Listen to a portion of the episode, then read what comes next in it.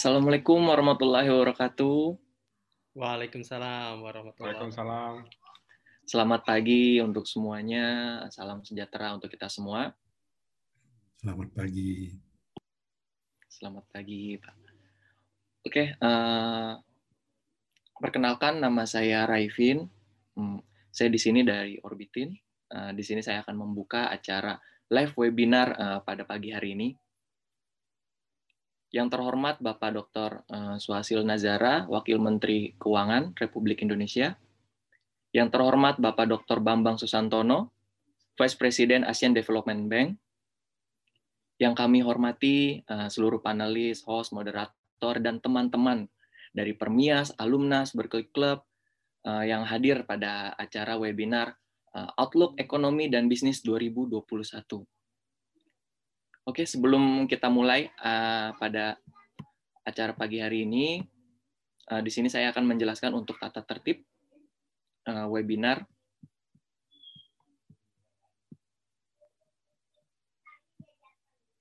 Ya, bisa dilihat uh, oleh Bapak Ibu-Ibu sekalian.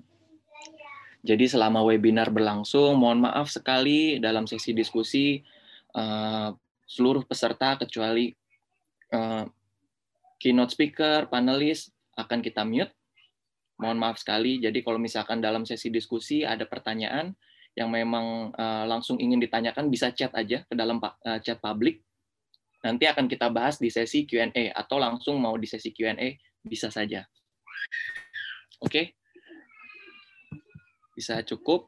Kemudian uh, acara selanjutnya kita langsung uh, menyanyikan lagu kebangsaan Indonesia Raya. Mohon izin sekali lagi untuk uh, seluruhnya dalam posisi berdiri jika memungkinkan uh, atau dalam posisi yang sikap sempurna uh, untuk selama menyanyikan lagu kebangsaan Indonesia Raya.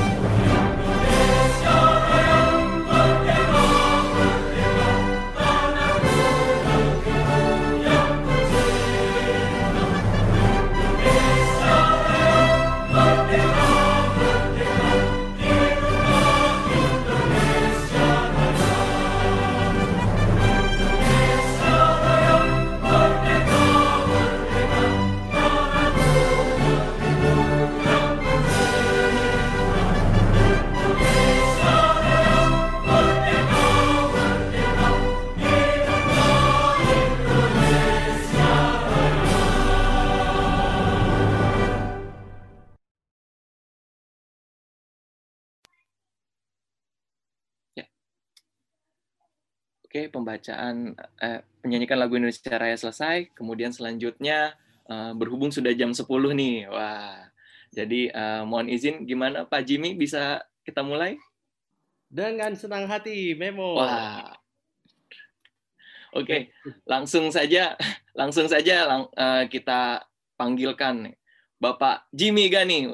Mohon izin Pak Jimmy Gani untuk waktunya eh, kami persilahkan, Pak. Terima kasih Revin. Bismillahirrahmanirrahim. Assalamualaikum warahmatullahi wabarakatuh. Waalaikumsalam warahmatullahi wabarakatuh. Semangat pagi. Luar, Semangat pagi, Pak. Wah, luar biasa ini. Hari-hari Sabtu udah menjelang akhir tahun masih juga diskusi. Ini luar biasa teman-teman yang hadir pada pada pagi hari ini di hari Sabtu tanggal 19 Desember uh, yang mana uh, kita uh, alumnas Permias uh, Berkeley Club of Indonesia dan Orbitin mengorganize satu webinar uh, bertajuk Outlook Ekonomi dan Bisnis 2021. Saya Jimmy Gani, Sekretaris Jenderal dari Alumnas, uh, pertama-tama menyampaikan welcome uh, to this event, uh, wabil khusus untuk uh, keynote speaker kita yang yang kami hormati Bapak Dr. Suhasil Nazara, Wakil Menteri Keuangan, kemudian kepada para panelis, wah ini luar biasa, uh, kita ada uh, seorang Vice President dari Asian Development Bank, Pak Dr. Bambang Susantono yang sekaligus juga adalah ketua daripada Berkeley Club of Indonesia. Selamat pagi Pak Bambang, selamat pagi Pak Swahasil. Wah, luar biasa. semuanya sehat-sehat Pak Jimmy. Alhamdulillah Pak, senang sekali nih bisa pagi-pagi hari Sabtu Bapak masih uh, luar biasa ini semangat untuk membangun bangsa ya Pak ya. Ada Pak Wapres itu Wah, luar biasa. Ini wakil ada Wapres Presiden ini. ADB. itu, wakil Presiden ADB soal itu Pak Wapres. Luar biasa. Selamat pagi Pak Wamen, sehat selalu. Terima kasih. Kami juga ingin uh, apa welcome uh, apa beberapa teman-teman ini. Ibu Sinta Kamdani, Wakil Ketua Umum Kadin Indonesia. Selamat pagi, Mbak Sinta, apa kabar?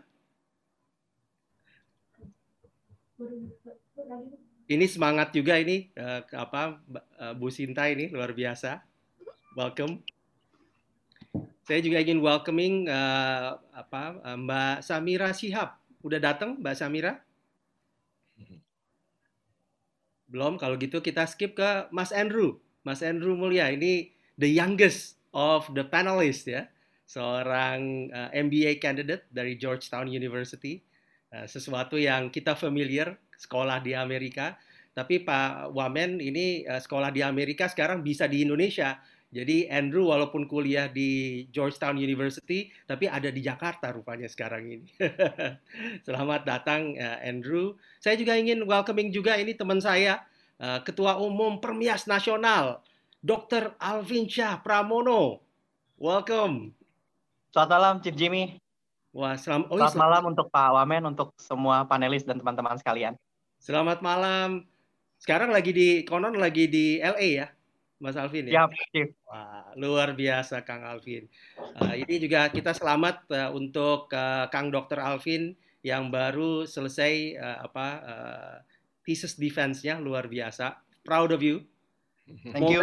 Semoga uh, terus nanti sama sama Pak Bambang sama Pak Suhasil bisa menjadi PhD juga Uh, Amin. Saya saya mau mau nyebutin tesisnya tapi uh, agak uh, berat nih. Tolong disebutin tesisnya apa tadi? Baik, uh, thank you Chief. Thesis saya judulnya Synergistic Anti-Tumor Activity of NMT inhibitor and NAD kinase inhibitor combination in mutant IDH1 cancers. Jadi saya menggabungkan dua obat diujikan pada satu kanker yang memiliki mutasi uh, genetik tertentu. Nah, saya juga tadi mau ngomongin itu, tapi takut ter ini nanti uh, terselip tang, slip of the tongue gitu ya. Jadi saya biarkan langsung aja, Mas Alvin. Saya juga mau welcome juga uh, Mbak Samira Sihab. Welcome Mbak Samira, luar biasa. Hello, welcome. How are you? Very good, very good. Thank you so much for being here. Ini luar biasa Pak Wamen. Jadi kita berharap nanti Pak Wamen bisa enlighten us uh, untuk uh, apa memberikan kita gambaran nih. Karena saya udah ikut beberapa webinar untuk Outlook 2021 eh, khususnya untuk Indonesia. Dan it it, it looks good although uh, Bank Dunia uh, rasanya kemarin ada sedikit uh, merevise uh, untuk 2021 dari minus 1,6 menjadi minus 2,2 tapi nampaknya uh, almost everybody seems to agree bahwa 2021 looks good. Nah, ini semuanya anxious, Pak dan kita pengen dengar semua uh, dari Pak uh, Swahasil bagaimana uh, nanti uh, apa uh, proyeksi daripada uh, ekonomi Indonesia di 2021. Tapi saya Pak kayaknya Jimmy, uh, World Bank itu ngikutin angkanya ADB jadi 2,2 itu. Woi, Pak Wamen tahu, Pak Wamen tahu persis tuh. Oke, Pak Bambang. Oh, rupanya begitu ya. Itu apa uh, mereka uh, apa biasa lah World Bank tuh pengennya kan tampil kan, tapi sebetulnya yang lebih tahu di lebih dekat soalnya Manila kayaknya lebih dekat daripada uh, apa uh, Washington gitu ya. You need to be politically correct kalau ada Vice President Asian Development Bank. Siap, siap Pak Wamen. Hati-hati bicara, hati-hati bicara. siap, siap. Apalagi ini direkam nih Mbak Sinta. Jadi Waduh. ini menjadi menjadi ini nanti bisa jadi masuk undang-undang ITE kan bahaya kita. Oke, uh, saya akan hand over kepada teman saya karena kalau suaranya uh, berat seperti saya kayaknya nggak seru untuk uh, jadi moderator. Jadi I hand it over to my uh, good friend uh, Ibu Dona Priyadi. Mbak Dona, silakan Mbak Dona. Hai Jim. Thank you, thank you very much Jimmy. Selamat pagi Indonesia, selamat malam USA. Halo semuanya. Um, selamat datang di Economic and Business Outlook 2021 webinar. Senang sekali aku ketemu lagi nih sama teman-teman semua. Setelah kapan tuh last month ya kita ada webinar juga dengan uh, Permias dan Alumnas. So happy kalau Jimmy call, hey can you be a moderator? Of course, siap. Apalagi hari Sabtu is is a very good day for all of us. So my name is Dona Priyadi, anggota Alumnas dan juga Permias San Francisco pada tahun berapa Jim? 90-an ya. Yes, long time ago. Udah lupa, Don. Udah lupa ya. And um, I'm the moderator of this seminar. Um, pertama-tama saya akan menyapa Pak Wamen. Halo Pak Wamen, apa kabar? Saya dengan Dona Pak. Nice to meet you. Kemudian um, mentor saya nih Mas Bambang Susantono. Hai Mas Wakil Presiden kalau katanya Pak Wamen. Good to see you. Di Jakarta apa di Manila nih Mas Bambang? Udah di Jakarta dong. Padahal di Manila lebih aman nih kayaknya. Betul, betul. Case-nya turun terus kalau di Manila, Mas Babang. Yeah. Oke, kemudian saya akan menyapa Mbak Shinta Kamdani. Hai Mbak Shinta, how are you? Good, Donna. Good to see you again. Mbak Shinta ini merupakan selain wakil um, dari Kadin, wakil ketua umum Kadin, beliau juga merupakan owner dan CEO dari Sintesa Group, Indonesian group with 16 subsidiaries which operate in the property, energy, industrial product, and also consumer product. And she also graduated from Columbia University and also Harvard University Executive Education. Good to see you again, Mbak Sinta. Kemudian telah hadir juga nih um, yang milenial yang berkarya, Mbak Samira Shihab. Hai Samira, good to see Hello. you. Good to see you. Thanks for having me. Samira is the CEO of uh, Tinkerlust and also co-founder. Mungkin yang belum tahu harus tahu uh, adalah um, platform for branded fashion goods um, yang memang quite um, significant now di e-commerce platform di Indonesia. And she also graduated from uh, Santa Clara. Good to have you, Mbak Samira. And then we have Wakil Ketua Umum Permias Nasional yang katanya Jimmy paling muda seumuran anak saya. Andrew Mulia, MBA candidate from Georgetown. Hi Andrew.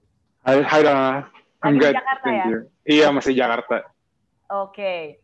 So, um, seperti yang tadi sudah disampaikan oleh um, Jimmy, uh, mungkin sekarang telah tiba saatnya untuk mendengarkan paparan dari Pak Wamen nih, Pak Wamen dengan uh, hormat. Uh, sedikit mau membica- membacakan bionya Pak Wamen.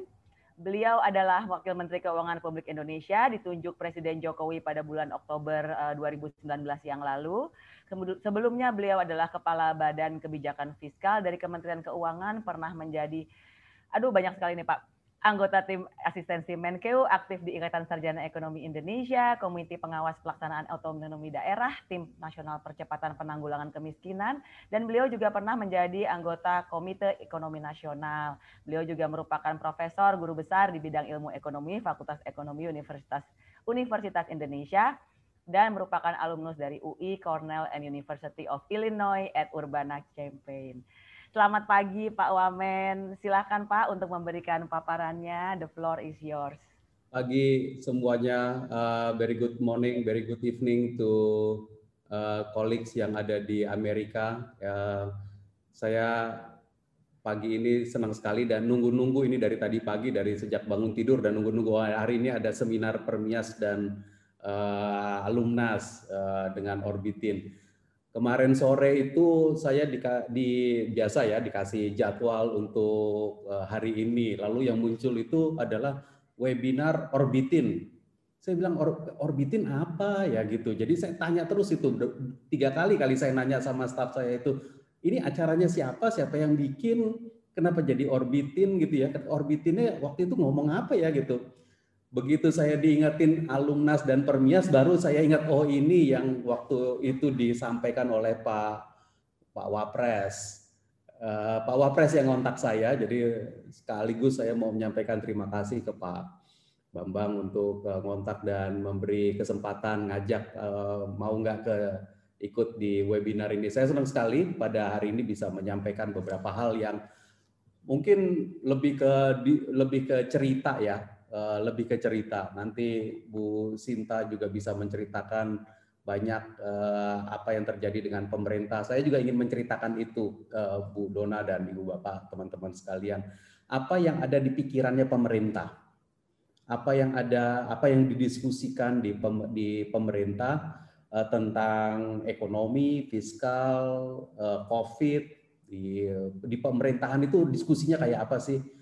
Dan nanti saya senang nanti Bu Sinta juga bisa ngasih tahu karena Bu Sinta juga banyak sekali ikut dan memberi warna kalau kita di pemerintahan mikirnya kayak begini lalu nanti Bu Sinta biasanya ngingetin eh pengusaha itu perlunya ini loh. Nanti nanti Bu Sinta yang cerita ya Bu Dona dan teman-teman sekalian bagaimana. Dan tentu teman-teman yang lain Pak Bambang pasti akan memberikan perspektif internasional dan teman-teman yang lain bisa memberikan berdiskusi Teman-teman sekalian, saya mau mulai dengan uh, kita uh, mumpung di ujung Desember, mungkin bagus buat flashback ke Januari, uh, ke Januari ya. Sebenarnya waktu kita masuk tahun 2020 ya di Januari awal Januari itu ada semacam uh, apa namanya bisa kita bilang ada semacam optimisme karena kita itu baru lewat dari 2019 yang sangat luar biasa tension antara US dan China dan itu mengganggu perekonomian dunia. Tapi mulai sekitar Oktober, November kita lihat oh kayaknya mulai agak mereda nih. Jadi masuk ke Januari itu kita cukup uh, boleh dibilang optimisme dan waktu itu ya kalau kita lihat APBN, uh, eh, saya akan banyak merefer ke APBN karena kerjaan uh, saya dan kerjaan kita di Kementerian Keuangan APBN itu kita bisa melacak penerimaan pajak itu tiap hari, teman-teman semua. Penerimaan pajak, penerimaan kepabeanan, kalau ada impor masuk itu kita bisa lacak tiap hari. Ekspor keluar dari Indonesia itu kita bisa tahu real time tiap hari. Nah, kalau melihat data-data yang sifatnya real time harian seperti itu, Januari itu kita optimis. Kayaknya 2020 kita mulai dengan baik. Sampai dengan kita dengar berita bahwa Imlek nggak boleh traveling. Wuhan kemudian di lockdown. Itu sekitar akhir Januari. Lalu Februari kita lihat bahwa nggak ada lagi turis dari dari Tiongkok masuk ke Indonesia. Wah, ini berhenti nih kalau kayak begini turis kita. Makanya kalau ingat sekitar bulan Februari, Bu Sinta mungkin masih ingat, kita itu mikirnya adalah ya kalau turis dari luar negeri nggak masuk ke Indonesia, kita ber, kita jadi turis sendiri deh di negara sendiri kita mau kasih insentif untuk traveling, kita mau kasih hibah pariwisata, kita mau bebasin pajak hotel dan restoran di, di yang merupakan pajak daerah, lalu kemudian nanti diganti aja sama pemerintah pusat. Kita mikir mikiran seperti itu. Sampai dengan kapan? Sampai dengan kira-kira minggu ketiga Februari dan kemudian Maret awal tanggal 2 Maret kita punya first positive case di Indonesia di Depok tanggal 2 Maret di situ kita yakin bahwa kayaknya kita ada di path yang seperti negara lain.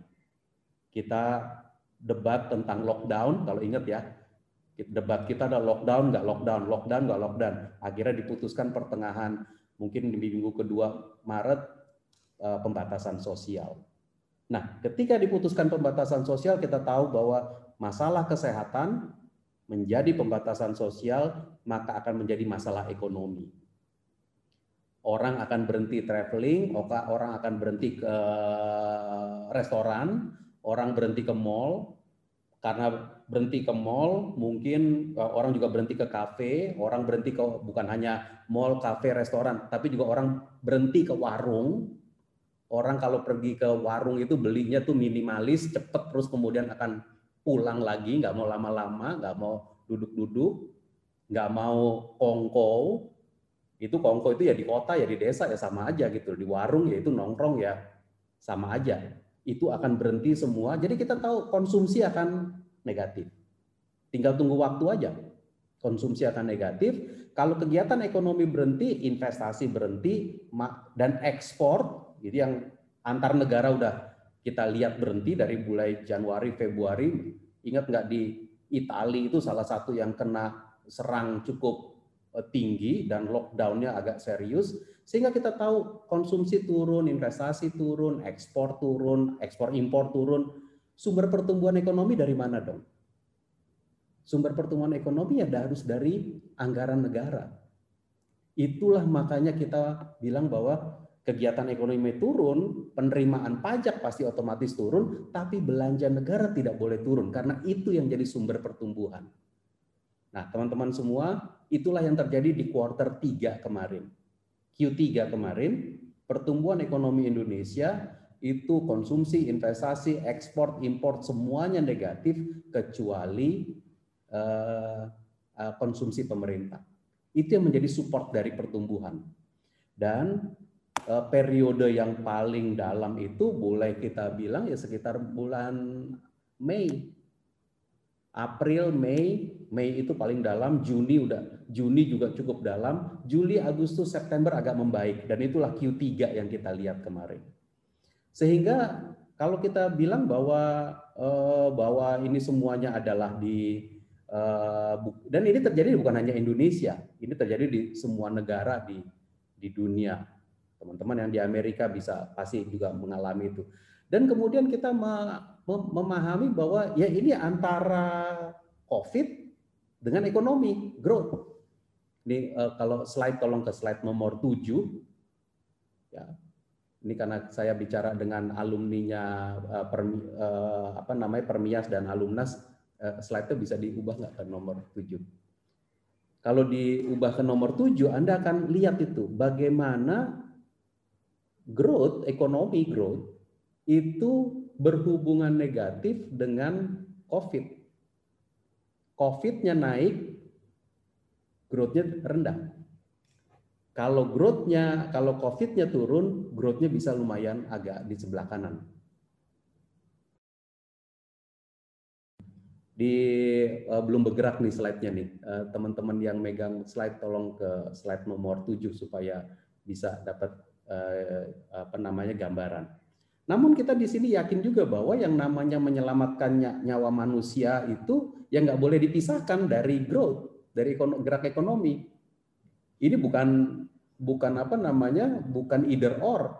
Tapi kalau kita lihat di negara-negara di seluruh dunia, hubungannya itu ya memang negatif. Nah, Indonesia di mana?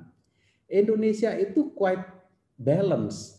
Kalau ini belum bergerak nih gambarnya. Kalau gambarnya bergerak, saya bisa tunjukin Indonesia is quite balanced uh, karena Indonesia itu ada di di tren yang uh, di tren yang nah ini dia nih.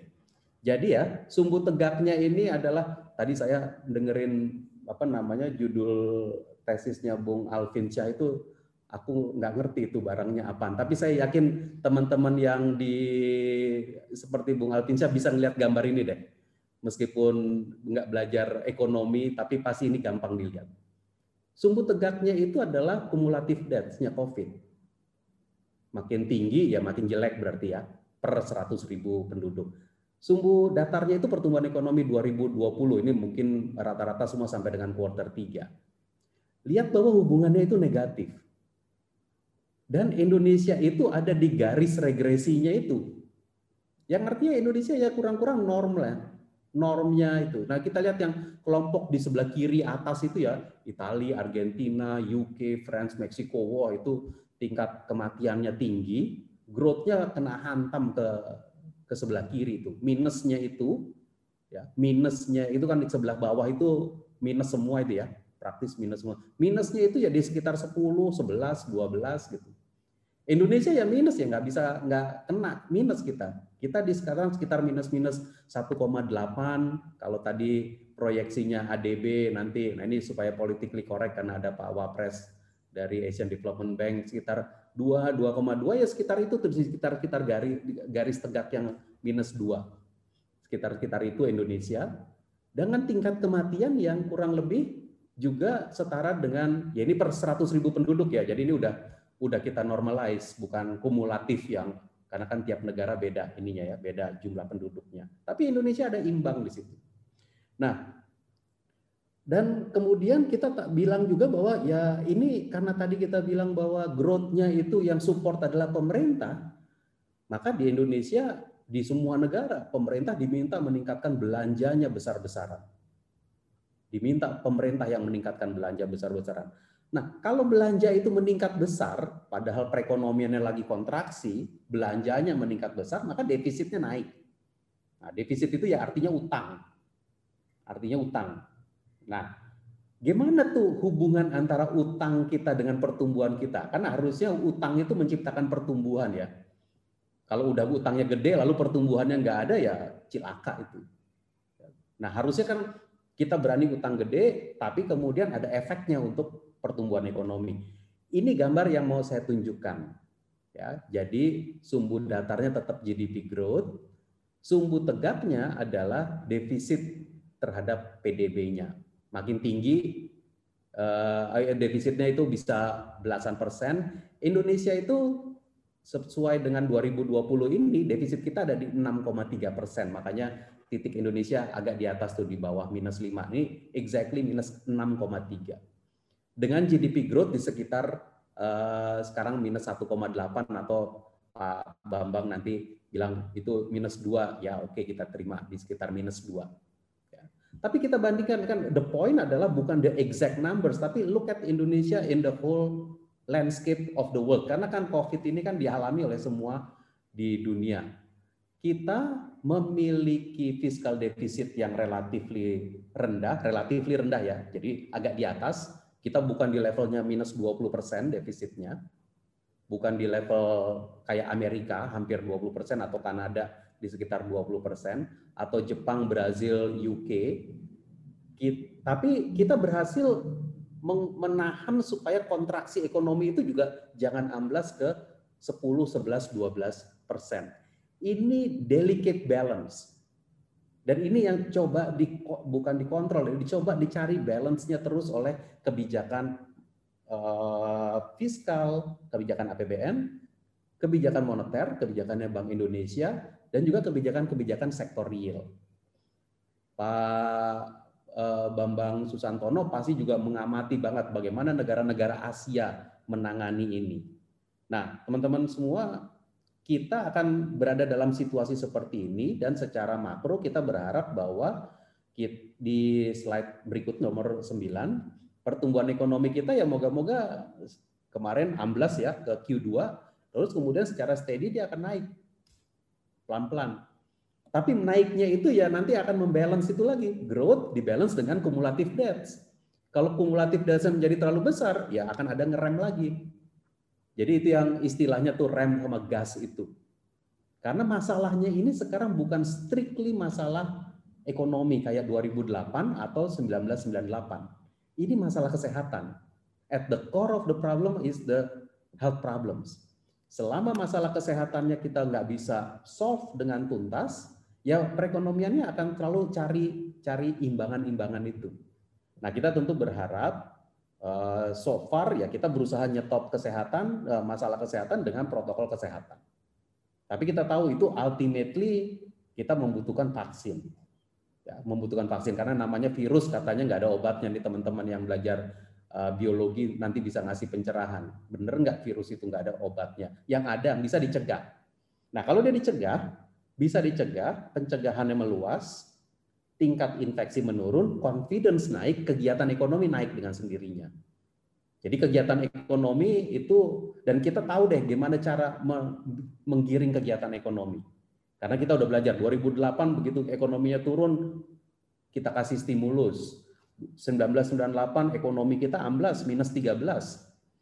Kita kasih stimulus, kita tahu persis gimana caranya. Tetapi kesehatannya harus uh, at the core of the problem. Nah ini teman-teman sekalian, kalau kita lihat pertumbuhan negara-negara lain, itu ya Indonesia itu yang di blok agak ungu di bawah.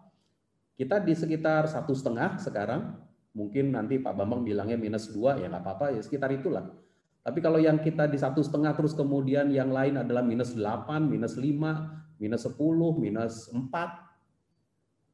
uh, itu ya dari perbandingan gitu yang saya tunjukkan. Kita mesti menah, mempertahankan momentum ini.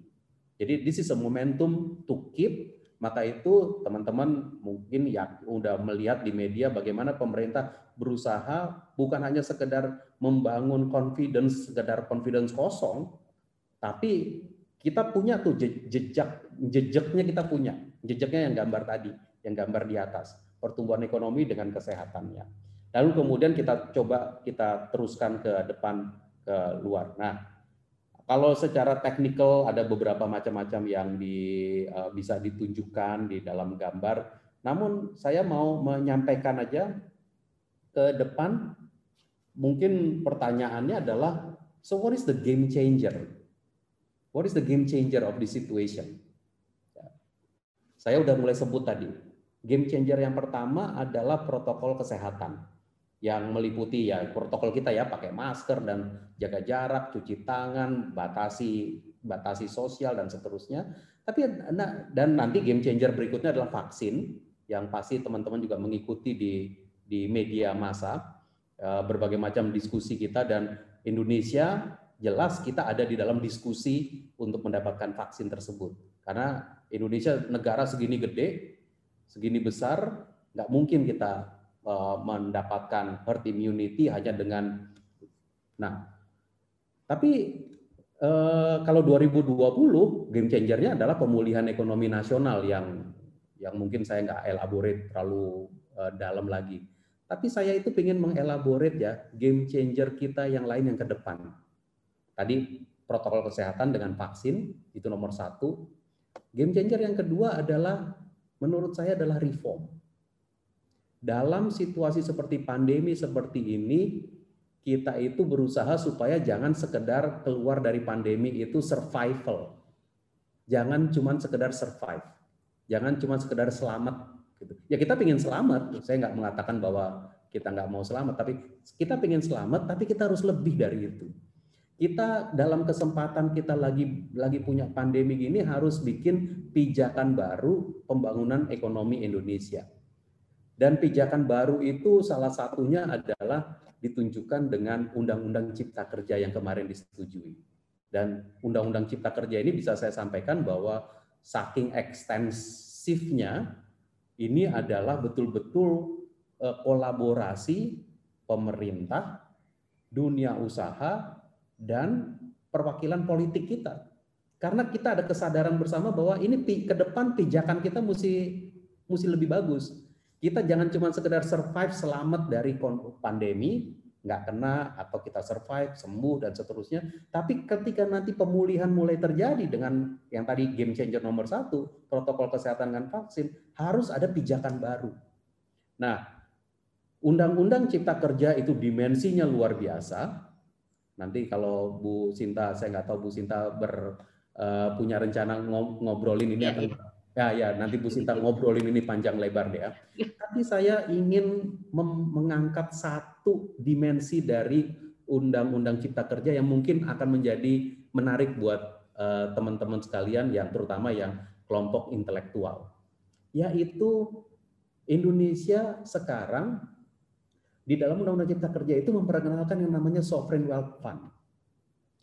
Dan Sovereign Wealth Fund ini uh, salah satu game changer di dalam Cipta Kerja. Kenapa dia game changer? Karena begini, teman-teman pasti kan ngikutin ya, media masa ngobrolin segala macam dan salah satu yang paling gampang di di apa namanya paling gampang diangkat dan cukup laku dan cukup sensitif dan cukup seksi adalah utang utang itu kan Anda ngikutin Mbak bahwa uh, menarik sekali dibicarakan.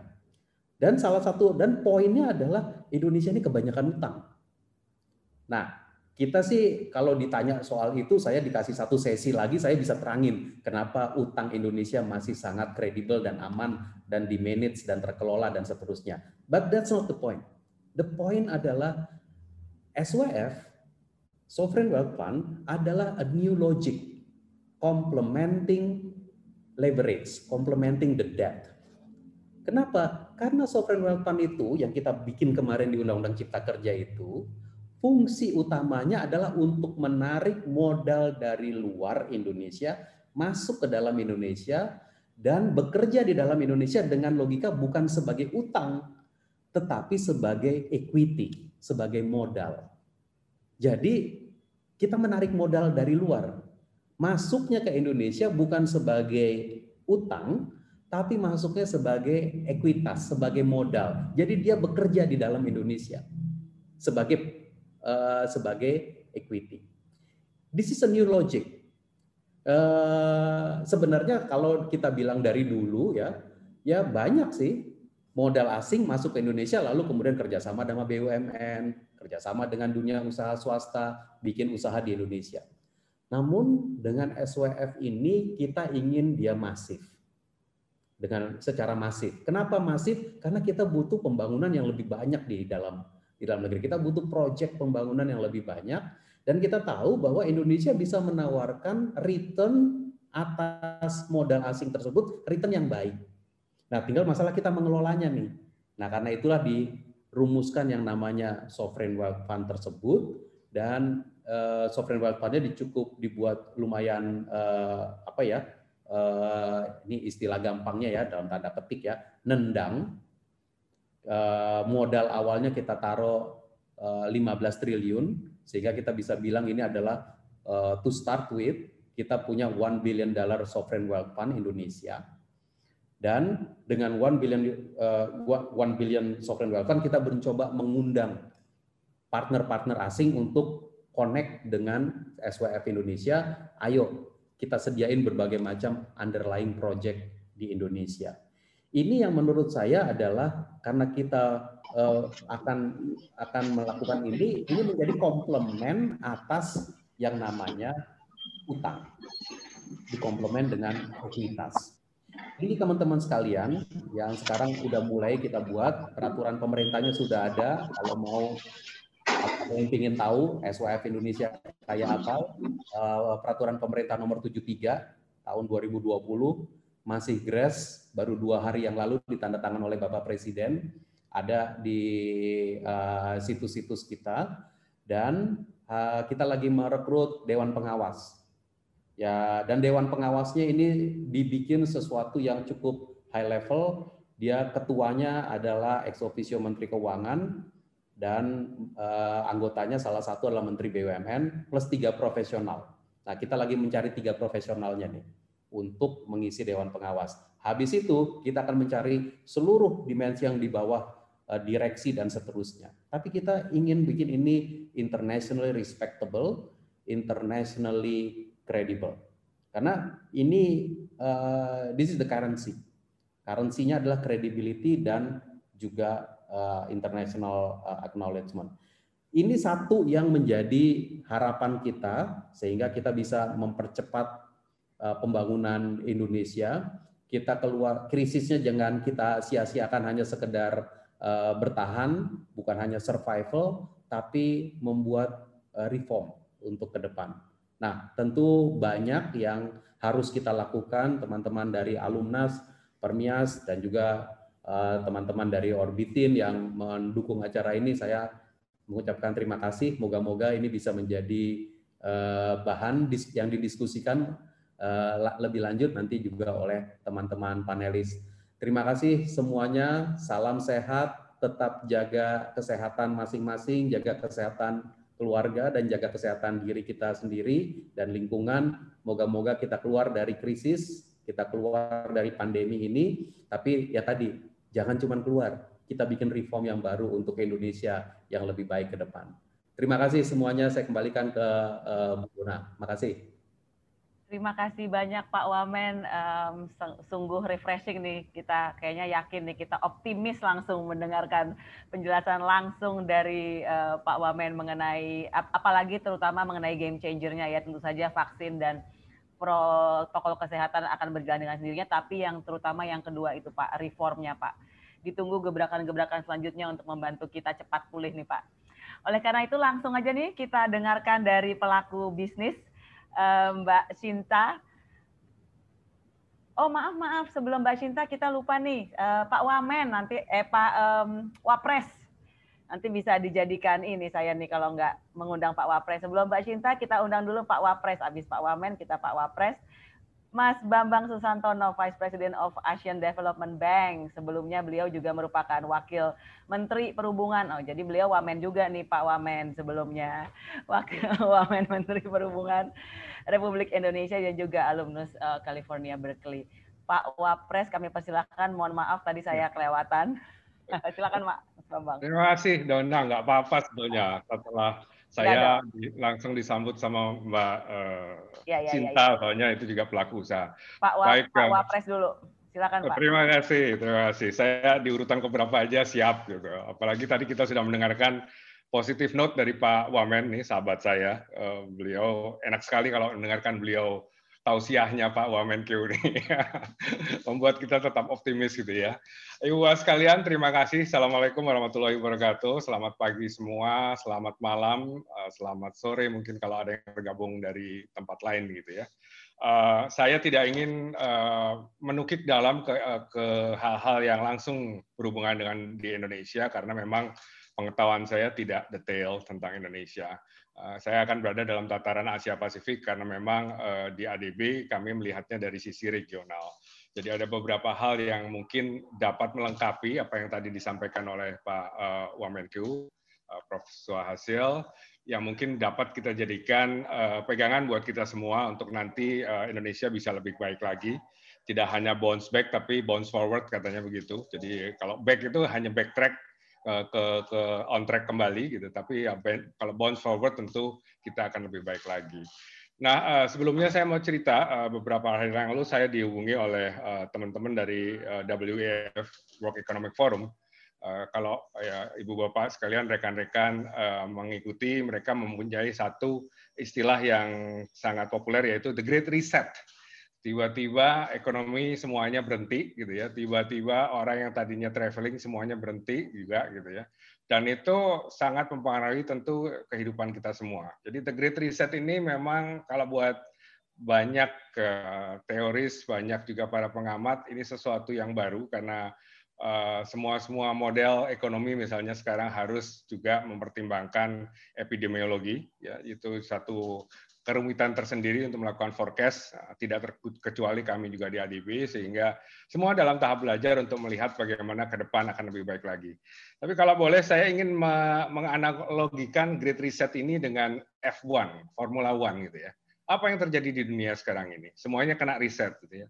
Tentu nanti yang akan uh, pulih terlebih dahulu, siapa negara yang akan pulih terlebih dahulu, akan mengambil pole positions kalau kita di F1 tuh kalau dalam tahap yang awalnya kan kita ada ngetes sirkuit ya. Dalam ngetes sirkuit mereka mereka yang mempunyai waktu yang paling baik akan ditaruh di pole position. Apakah di row pertama, row kedua atau bahkan row ketiga gitu ya. Semakin negara yang di riset ini nanti semakin siap dan semakin cepat untuk pulih, dia akan berada dalam pole position yang lebih baik untuk berkompetisi di dunia nanti yang setelah ini. Gitu ya saya meyakini akan ada satu uh, satu pola ekonomi tata ekonomi baru setelah uh, COVID-19 ini yang nantinya tentu berbeda ya.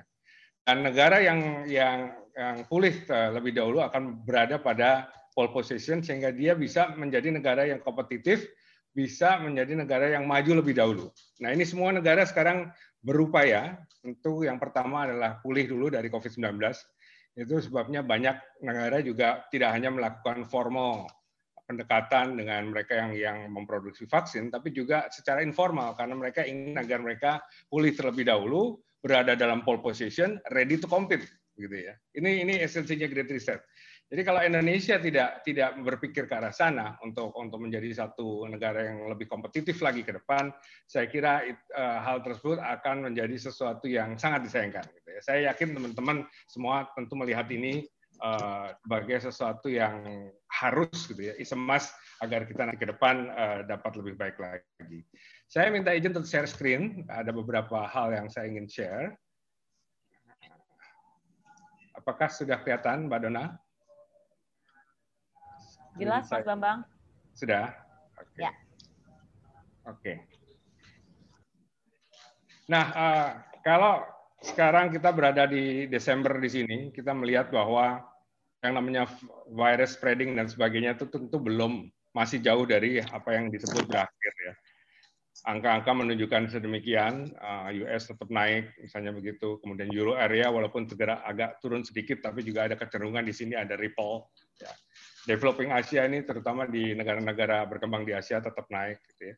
Dan uh, tadi yang Pak Wamen sebutkan sebetulnya makin containment measure-nya makin makin stringent. Sebetulnya ada yang disebut stringency index di sini.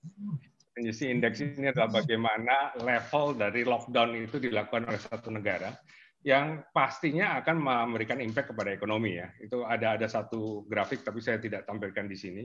Tapi intinya adalah containment itu sekarang masih berlangsung. Ada yang masih di dalam uh, second spike, ada yang the third spike, tapi manakala ada lonjakan langsung di, uh, dicoba untuk dilakukan containment. Ya. Nah ini tentu akan membuat uh, pemulihan terhadap ekonomi kita juga ekonomi beberapa negara itu juga bervariasi tergantung kepada containment measures-nya. Gitu ya. Sampai dengan uh, third quarter, ya tentu ini uh, tidak hanya kami yang merevisi uh, proyeksi-proyeksi keuangan, tapi hampir semua negara, institusi, uh, bahkan yang yang secanggih apa pun membuat model akan selalu melakukan revisi. Kami kami sendiri setiap tiga bulan kami revisi untuk melihat perkembangan yang terbaru. Tapi ini sampai tiga bulan lalu memang kita berada dalam, misalnya untuk Indonesia kita uh, mengestimate uh, kira-kira tahun ini minus 2,0 kontraksinya 2 persen, 2,0 eh, gitu ya. Dan nanti kalau kita lihat setelah direvisi angka terbaru kamu adalah 2,2. Itu forecast adalah forecast bisa saja ber, ber, bertambah atau berkurang plus minus ya. Namanya juga forecast nggak ada yang pasti gitu. Tapi kalau kita lihat eh, yang menarik di sini adalah Cina dia tetap dalam posisi positif gitu ya. Kemudian eh, kita lihat di sini yang sering kali disebut saingan kita Vietnam akan tetap berada dalam posisi positif. Gitu ya. Dan kenapa itu nanti saya coba uh, perlihatkan beberapa grafik nanti ya. Sedangkan negara-negara lain tentu bervariasi dan juga banyak yang yang lebih uh, mengalami kontraksi yang lebih dalam dari kita.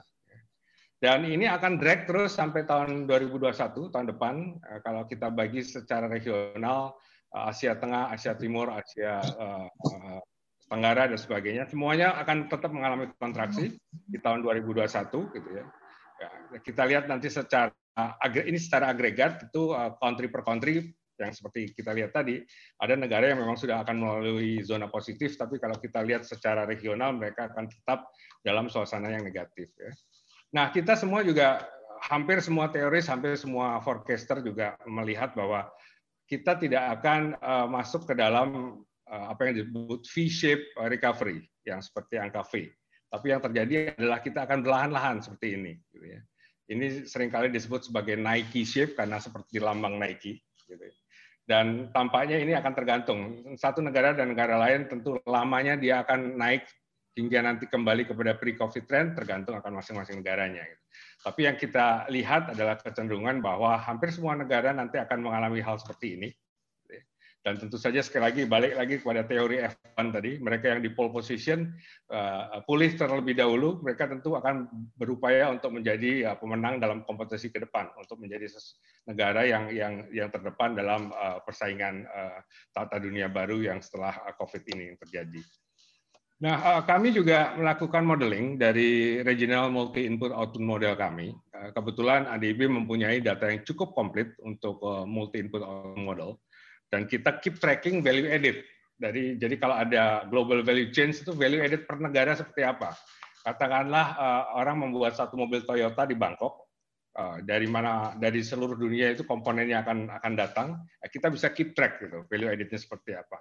Nah yang yang menarik dari uh, Supermi ini, kalau saya sebut Supermi ini, yang rumit ini adalah beberapa negara mulai muncul sebagai uh, hub dari global value chains ya. Kalau kita lihat tahun 2000, Cina tentu belum terlalu dominan. Tapi begitu 2010 kita lihat bagaimana Cina menjadi salah satu hub yang cukup dominan dalam uh, supply chain regional dan global.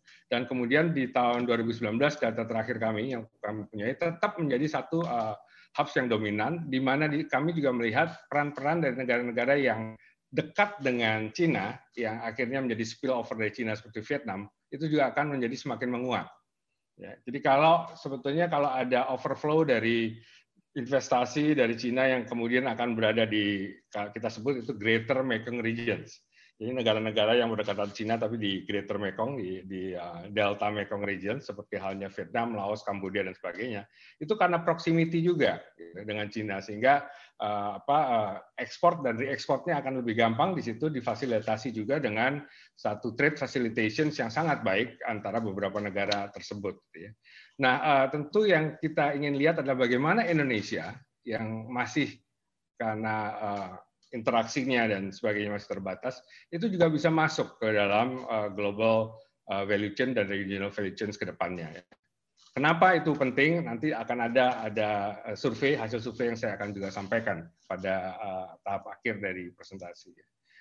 Nah, uh, yang menarik juga adalah yang sekarang berjalan di kalau kita lihat dari data adalah ekspor di bidang health supply dan electronics dari beberapa negara. Ya, ini G3 ini adalah angka dari uh, US, Jepang, dan Euro area. Ya, ini kita lihat. Kemudian developing Asia ini adalah tadi uh, uh, negara-negara berkembang di Asia. Tampaknya memang untuk health supplies dan electronics itu sudah mulai rebound. Dan uh, frekuensi dan intensitas dari yang dipertukarkan di dalam global value chains itu masih cukup tinggi sekarang. Jadi sudah mulai mendekati ke arah normal untuk beberapa negara. Ya. Nah, Tadi Pak Wamen menyampaikan soal turisme. Nah, ini juga salah satu yang menjadi perhatian kami. Ya, kita lihat sendiri ini berbagai negara. Ya, begitu masuk April, Maret, April langsung turun dropnya. Bahkan untuk negara-negara yang uh, hampir uh, lebih dari setengah dari GDP-nya berasal dari turisme, seperti halnya negara di Pasifik, ya, Samoa, Tonga, Cook Island, Marshall Island ini dropnya lebih tajam lagi. Mereka nggak punya sumber daya lain kecuali turisme, misalnya begitu. Nah ini ternyata eh, kolaps yang terjadi sekarang ini sangat mempengaruhi dari kepada ekonominya, tetapi tidak hanya itu. Survei dari IATA terbaru, eh, IATA adalah eh, badan dunia yang yang ber, yang mengurusi soal turisme, pariwisata, itu memang lebih dari 50% orang akan tetap tidak akan melakukan perjalanan, masih wait and see. Ya, di sini disebutkan bahwa yang yang yang Agustus survei bulan Agustus ini yang merah yang paling uh, tebal ini ya. Wait six months or so kira-kira 32 persen. Ya. Wait a year or so 15 persen. Not travel 5 persen. Jadi kalau kita gabungkan ini semua ya kira-kira 52 persen atau lebih dari setengah orang masih masih apa ya masih tidak confidence untuk melakukan perjalanan untuk para wisata. Jadi memang kalau negara besar seperti Indonesia ini domestic tourism mungkin yang akan bisa digenjot. Tapi kalau negara-negara yang Palau seperti halnya Cook Island, Tonga, Fiji dan sebagainya yang yang bergantung pada turisme, ini akan menjadi satu masalah besar buat mereka untuk mengembalikan kepercayaan dan di antaranya mereka akan mencoba untuk melalui uh, travel bubble dan sebagainya. Tapi kalau kita lihat sentimennya masih belum pulih. Gitu ya. Nah ini adalah angka terakhir kami dari uh, outlook tahun depan. Bapak sekalian, kalau kita lihat di sini rekan-rekan, ini yang eh, Asia eh, Tenggara ya. Angka kami terakhir plus minus 2,2 eh, kontraksinya. Masih jauh lebih baik dibanding Malaysia, Filipina, Singapura dan Thailand. Thailand sedikit membaik tapi masih tetap di zona antara 8 sampai 7,8 ya. Vietnam sekali lagi ini merupakan salah satu yang yang pengecualian di Southeast Asia, Southeast Asia karena ternyata kita melihat juga dari eh, kondisi ekonomi di dalam Vietnam sendiri cukup robust untuk melakukan baik eh, eh, konsum menjaga konsumsinya, kemudian juga investasinya juga masuk sudah mulai masuk kembali dan kemudian juga manufacturing ekspornya juga cukup cukup berjalan di Vietnam. Ya. Saya kira itu yang bisa dilihat dari tabel ini. Negara-negara lain tentu membaik, tetapi membaiknya juga masih dalam range yang yang masih terkontraksi. Ya. Cina memang akan sedikit membaik, tapi tidak terlalu banyak, menjadi positif 2,1 ya. Dan negara-negara lain seperti India masih dalam kontraksinya.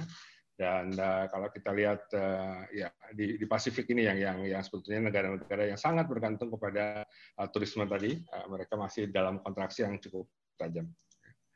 Saya ingin dua hal yang saya ingin uh, underline tahun depan itu seperti apa kira-kira. Ya.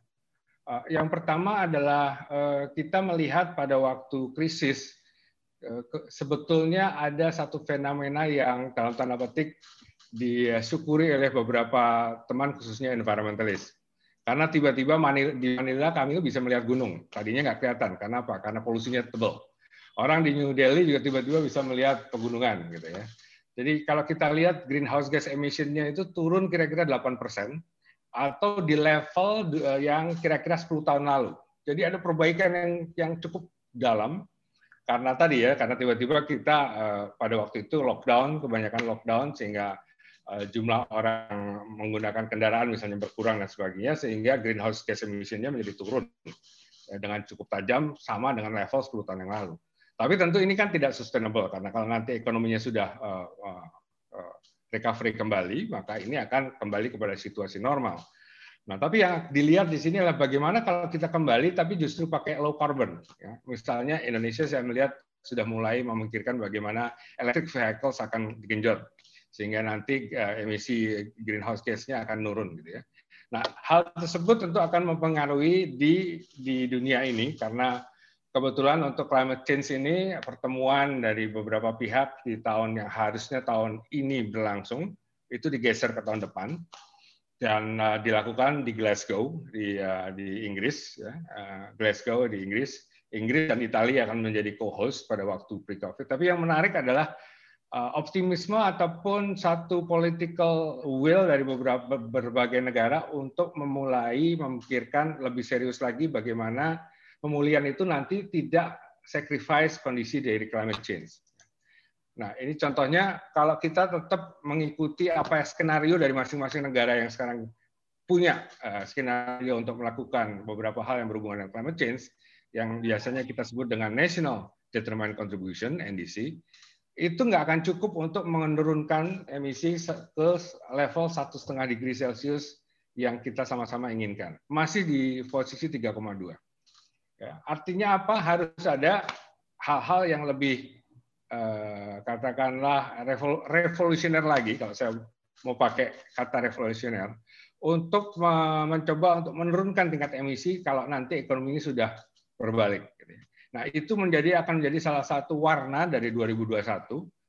Nah, tentunya kalau negara-negara yang memang kondisi keuangannya dalam tanda petik pas-pasan dan ingin mencari uh, pendanaan di dunia gitu ya. Katakanlah negara-negara berkembang ini biasanya untuk mencari dalam tanda petik uh, pendanaan untuk uh, apa katakanlah pembangunan-pembangunan yang ada di masing-masing negaranya akan ada syarat tambahan yang akan lebih stringent dari donornya ya, di bidang ini. Artinya akan ada kompetisi dan artinya negara-negara berkembang ini harus kemudian melakukan adjustment dari program pembangunannya yang masuk ke dalam kategori misalnya tadi climate change adaptation dan sebagainya.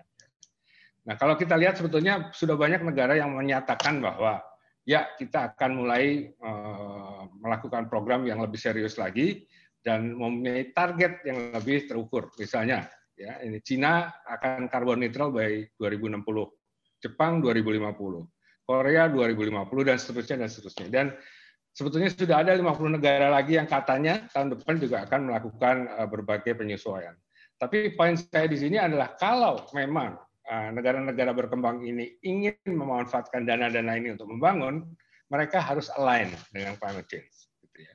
jadi akan ada kompetisi untuk mencari pendanaan yang lain dan itu harus direfleksikan ke dalam program pembangunannya di masing-masing negara tadi.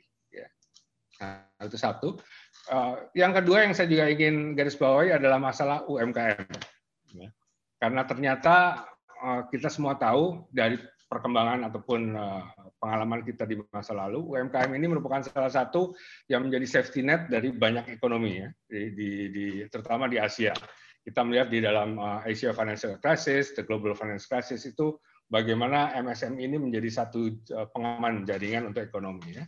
Untuk itu kebetulan kami melakukan survei di empat negara, Indonesia, Filipina, Thailand, dan Laos. Ya. Kita ini ya baru saja survei dilakukan dan ini setelah dua, dua bulan setelah uh, COVID-19 terjadi. Kalau kita lihat tadi, mohon maaf, ini tentu saja kita nggak akan surprise kalau eh, banyak dari mereka yang eh, memiliki situasi di mana mereka benar-benar dalam kondisi yang serius untuk melakukan usahanya, kelangsungan usahanya. Indonesia berada di level kira-kira 80 sampai 90 persen yang mengalami eh, masalah di bidang di bidang keuangan ya tapi itu juga tidak hanya kita semua negara hampir sama terutama negara berkembang. Sekali lagi ini adalah survei real yang kita lakukan di Indonesia Filipina Thailand dan Laos. Dan yang menarik yang saya kaitkan dengan cerita saya tentang global value chains ataupun eh, bagaimana MSME ini bisa masuk juga ke dalam value chains di tingkat regional misalnya ternyata mereka yang bergerak di dalam global value chains UMKM yang terhubung dengan global value chains memiliki resilience lebih tinggi. Ya. Mereka punya misalnya sufficient saving, mereka punya liquid asset yang tidak dimiliki, oleh UMKM yang tidak terhubung dengan global value chains. Itu salah satu yang kita uh, temukan di dalam uh, survei kita. Ya. Dan kalau kita lihat nanti ada beberapa grafik juga yang saya mau kasih lihat. Ini misalnya uh, mereka bisa melakukan uh, work from home dengan teleworking lebih dari mereka yang tidak uh, tergabung dalam global value chains. Ya. Kemudian juga uh, mereka lebih uh, bisa meretain employee. Artinya sekali lagi ini kembali kepada resilience mereka untuk menghadapi shocks. Dan kemudian juga uh, masih punya room untuk uh, membayar dalam tanda petik dalam dalam tanda petik uh, untuk mempertahankan misalnya jumlah uh, apa, pegawai mereka di tengah-tengah kondisi yang demandnya yang turun dengan drastis. Nah, apa yang mereka inginkan sebenarnya? Karena ini 90% dari 95%, 90 sampai 95% persen dari uh, ekonomi di banyak negara berkembang di Asia ini akan sangat bergantung untuk memberikan uh, jobs di di bidang uh, UMKM ini ya. Dari survei kami uh, terlihat di sini bahwa yang pertama mereka membutuhkan tentu loan dengan uh, tanpa kolateral misalnya gitu. Kemudian juga mereka juga butuh subsidi untuk untuk uh, melangsung kelangsungan usahanya. Dan sebetulnya mereka tidak butuh yang free, tapi mereka butuh kemudahan dalam pengurusan. Jadi di sini misalnya ada yang mereka sebut one stop shop. Mereka pengen jangan terlalu ribet gitu ya. Ya, ini ini ini salah satu yang kita temukan di dalam survei kita di Indonesia kalau ada satu tempat di mana mereka bisa minta assistance dan dari situ mereka nanti akan mendapatkan bimbingan dan sebagainya, mereka akan sangat appreciate dan mereka akan lebih bisa uh, katakanlah uh, resilience di dalam menghadapi situasi-situasi yang yang berkembang dalam masa yang sulit ini, terutama karena demandnya turun, tapi mereka tetap harus uh, melakukan usahanya. Jadi untuk UMKM itu saya kira ini bukan satu hal yang untuk banyak negara berkembang akan tetap menjadi salah satu fokus.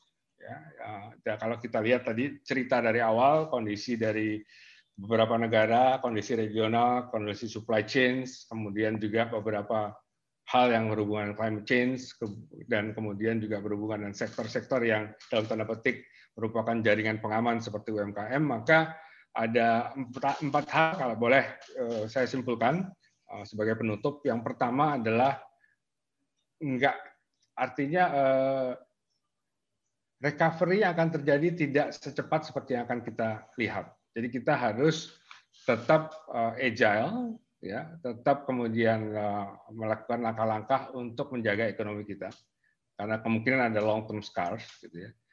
Ya, itu yang pertama. Yang kedua, kemungkinan adanya adanya yang kita sebut K-shaped recovery seperti huruf K. Kenapa huruf K? Karena mereka yang dalam tanda petik eh, mampu, ya, mempunyai kemampuan, memiliki juga kemampuan dalam segi finansial, akan lebih cepat take off dibanding mereka yang berada dalam bottom of the pyramid.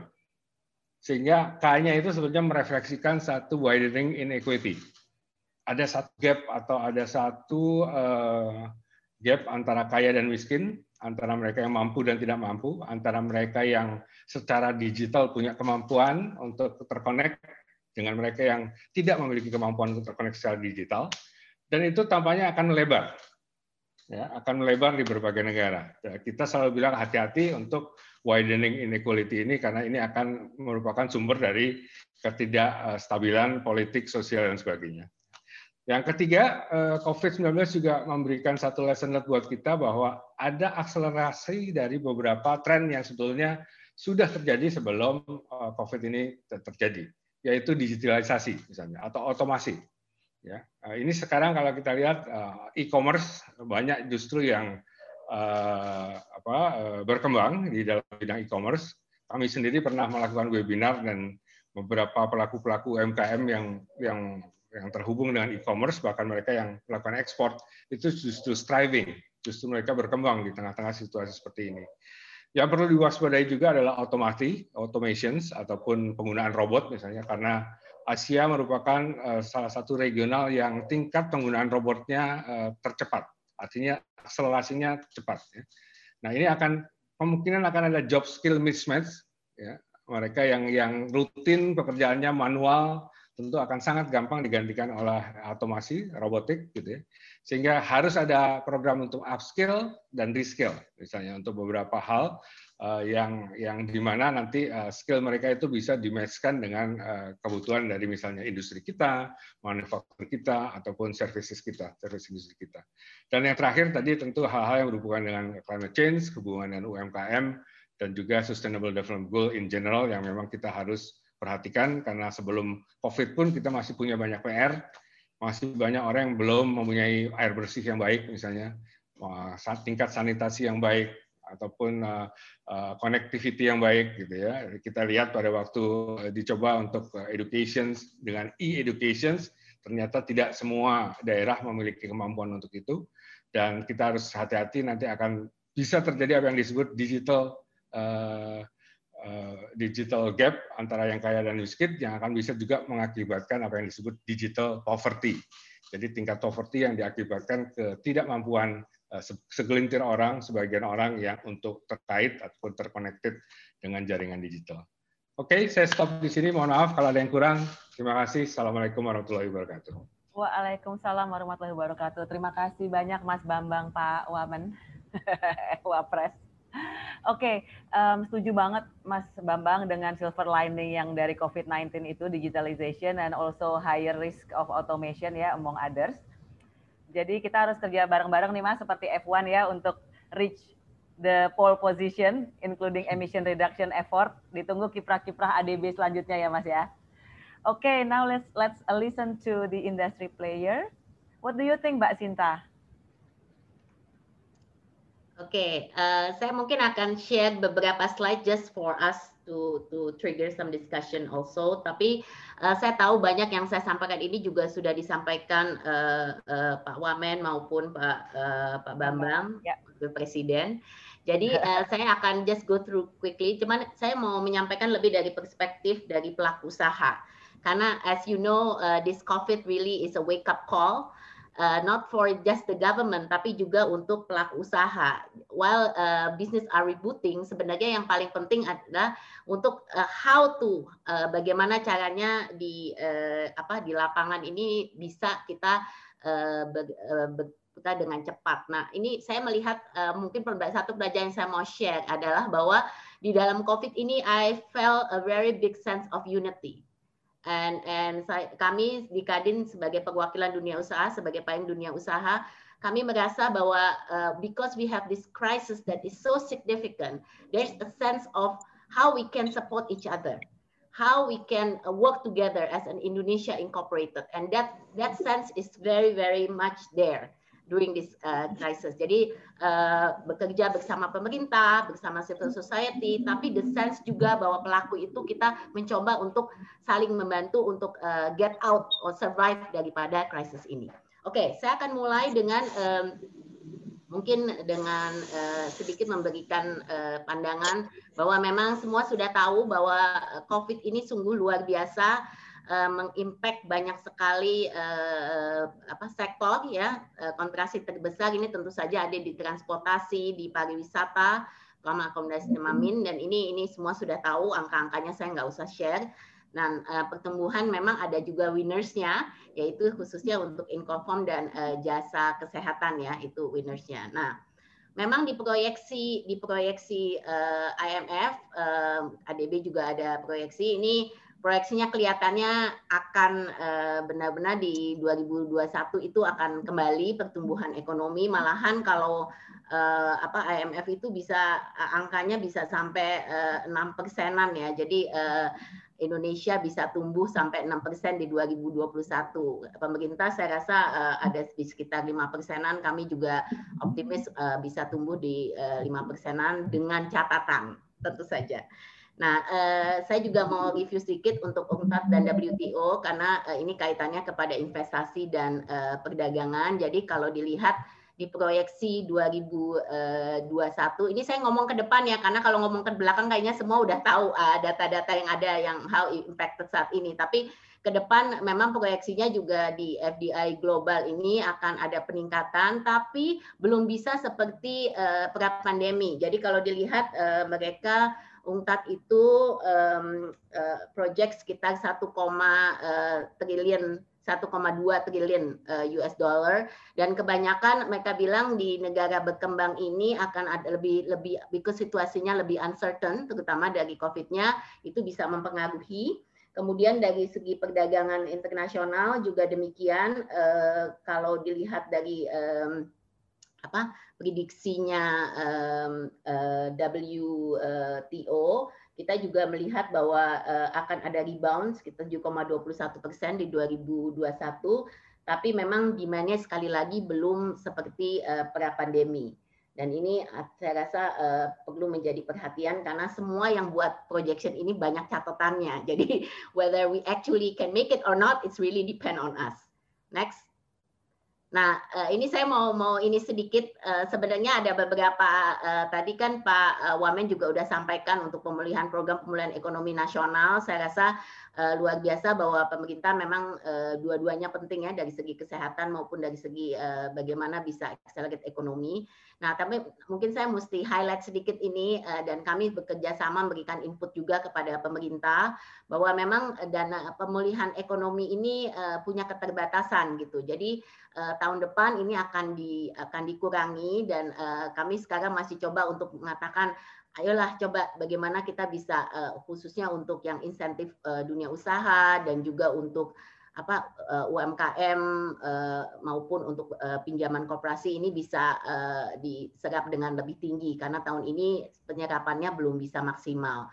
Dan ini banyak sebenarnya kendalanya ya terutama kalau kita menghubungkan dengan koperasi itu hubungannya lebih banyak ke moral hazard dan lain-lain untuk perbankan. Jadi ini juga sesuatu yang saya selalu lihat ke depannya ini akan selalu jadi sulit gitu. Dalam satu sisi kita mesti kerja cepat kita mesti dapat uh, apa uh, implementasi dari segi uh, uh, fasilitas insentif yang yang yang cepat tapi dalam sisi lain ada kehati-hatian. Karena apa pun yang dilakukan kita sudah lihat apa yang terjadi sekarang ya dana bansos bansos pun bisa dikorupsi. Jadi semua itu dengan unsur kehati-hatian. Dan ini saya rasa satu topik yang akan akan sangat kental tahun depan gitu. Bagaimana kita bisa jalan cepat tapi tetap uh, berhati-hati karena uh, moral hazard yang ada. Dan ini saya mengerti, kami mengerti dari sisi pemerintah, tapi tentu saja dari pelaku usaha kami butuh ini semua gitu. Jadi uh, jelas implementasinya harus uh, bisa lebih maksimal.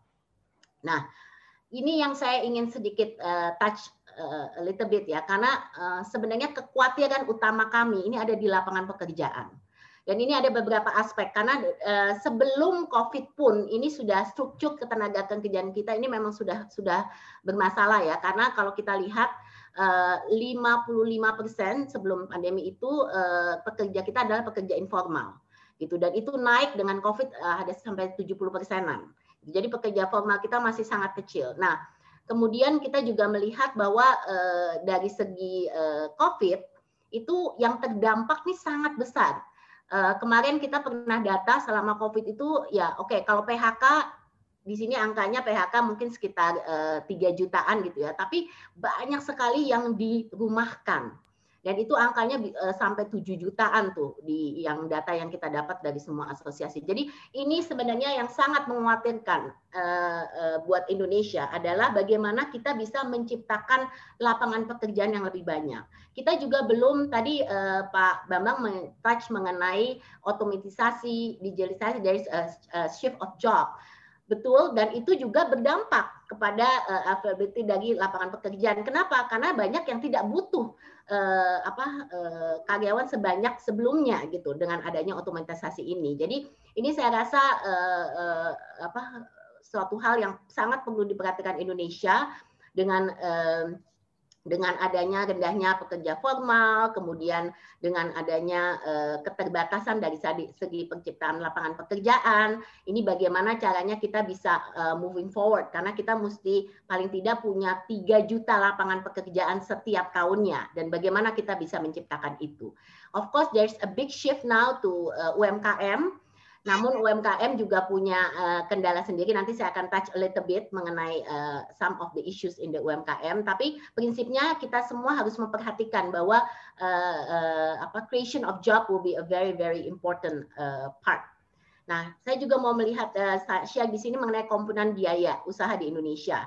Ini dibandingkan dengan negara ASEAN. We've always talk about competitiveness. Kenapa kita nggak bisa menarik investasi seperti Vietnam? Kenapa kita nggak bisa ekspor sebesar negara-negara tenggara kita? Nah, ini kebanyakan juga banyak kalau kita ngomongin soal investasi, itu hubungannya dengan komponen biaya yang ada di Indonesia sendiri. Dan ini harus diperhatikan karena kalau kita lihat perbandingannya dengan beberapa negara ASEAN ini memang kita komponen cost-nya sangat uh, tinggi ya. Jadi kita bisa uh, dan ini sangat meniscourage kalau kita pada akhirnya kan kalau investor selalu membandingkan gitu dan ini ini yang mungkin harus menjadi perhatian pemerintah bagaimana caranya untuk kita bisa mengurangi uh, high cost ekonomi ini. Kemudian uh, ini kita juga uh, melihat di sini penyerapan tenaga kerja ya. Jadi um, sebenarnya di beberapa tahun terakhir itu Indonesia sudah arahnya lebih ke uh, ke capital intensive instead of labor intensive industry.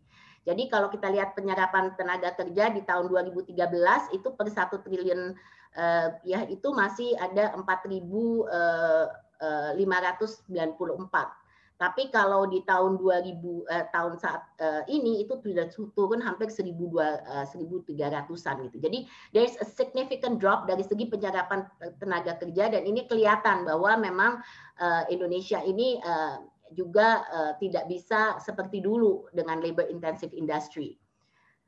Kemudian uh, tantangan tantangan lain ini saya mau sampaikan karena tadi juga banyak dibicarakan mengenai supply chain.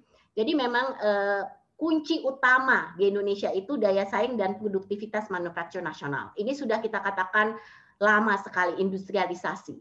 Jadi sebelum kita even bicara soal 4.0, we have to talk about the, uh, how the structure of uh, our manufacturing saat ini.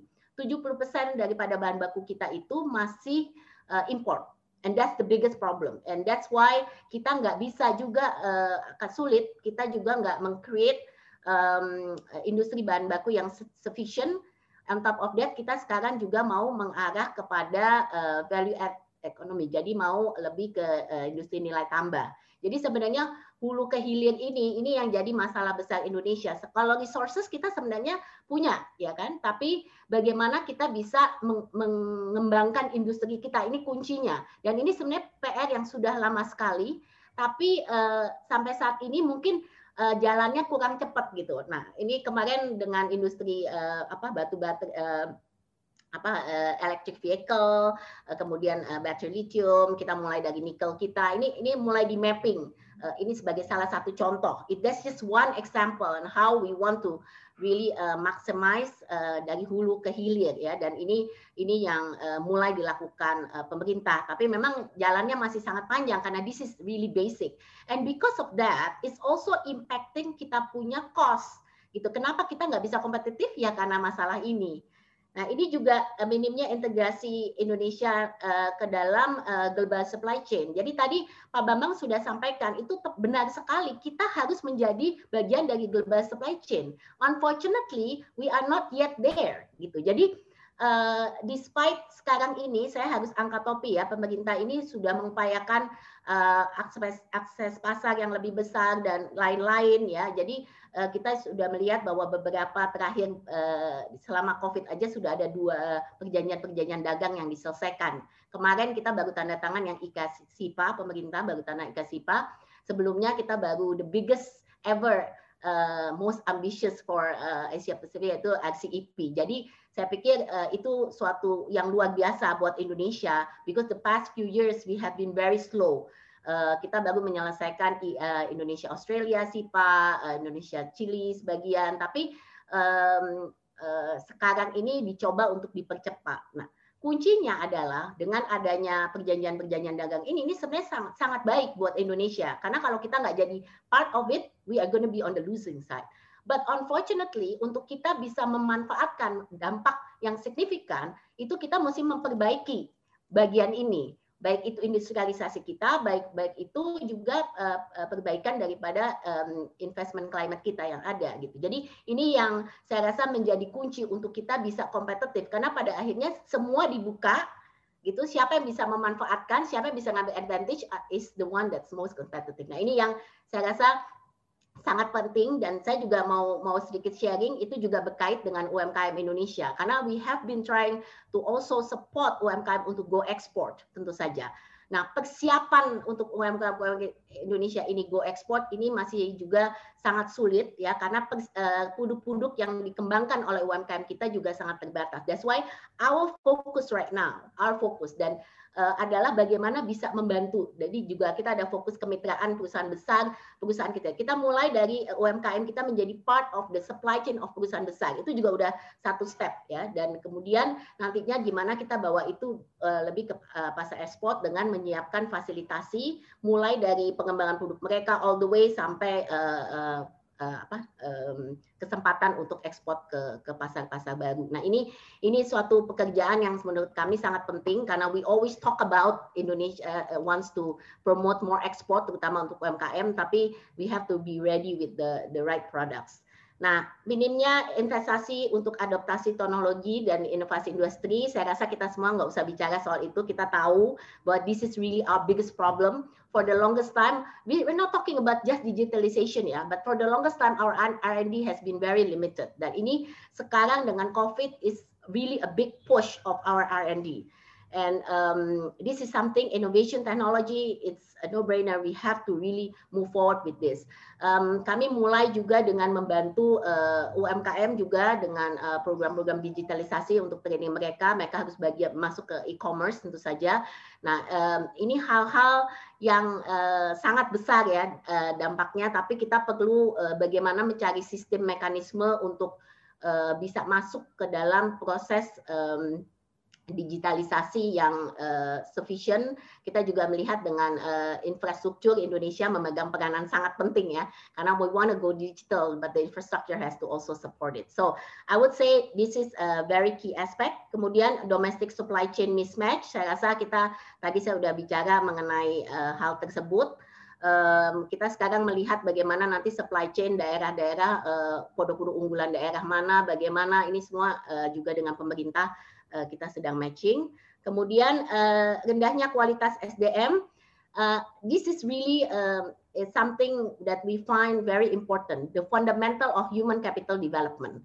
Jadi kita lihat dari uh, dari um, di, uh, permasalahan yang kita hadapi selama COVID ini, kita juga melihat bahwa betapa pentingnya the human capital aspect ini yang menjadi uh, actually kekuatan kalau kita punya fundamental yang kuat. Dan ini uh, kita melihat memang Eh, kenapa kita sekarang push namanya training vokasi? Karena yang tadi dikatakan skill mismatch itu itu sangat benar.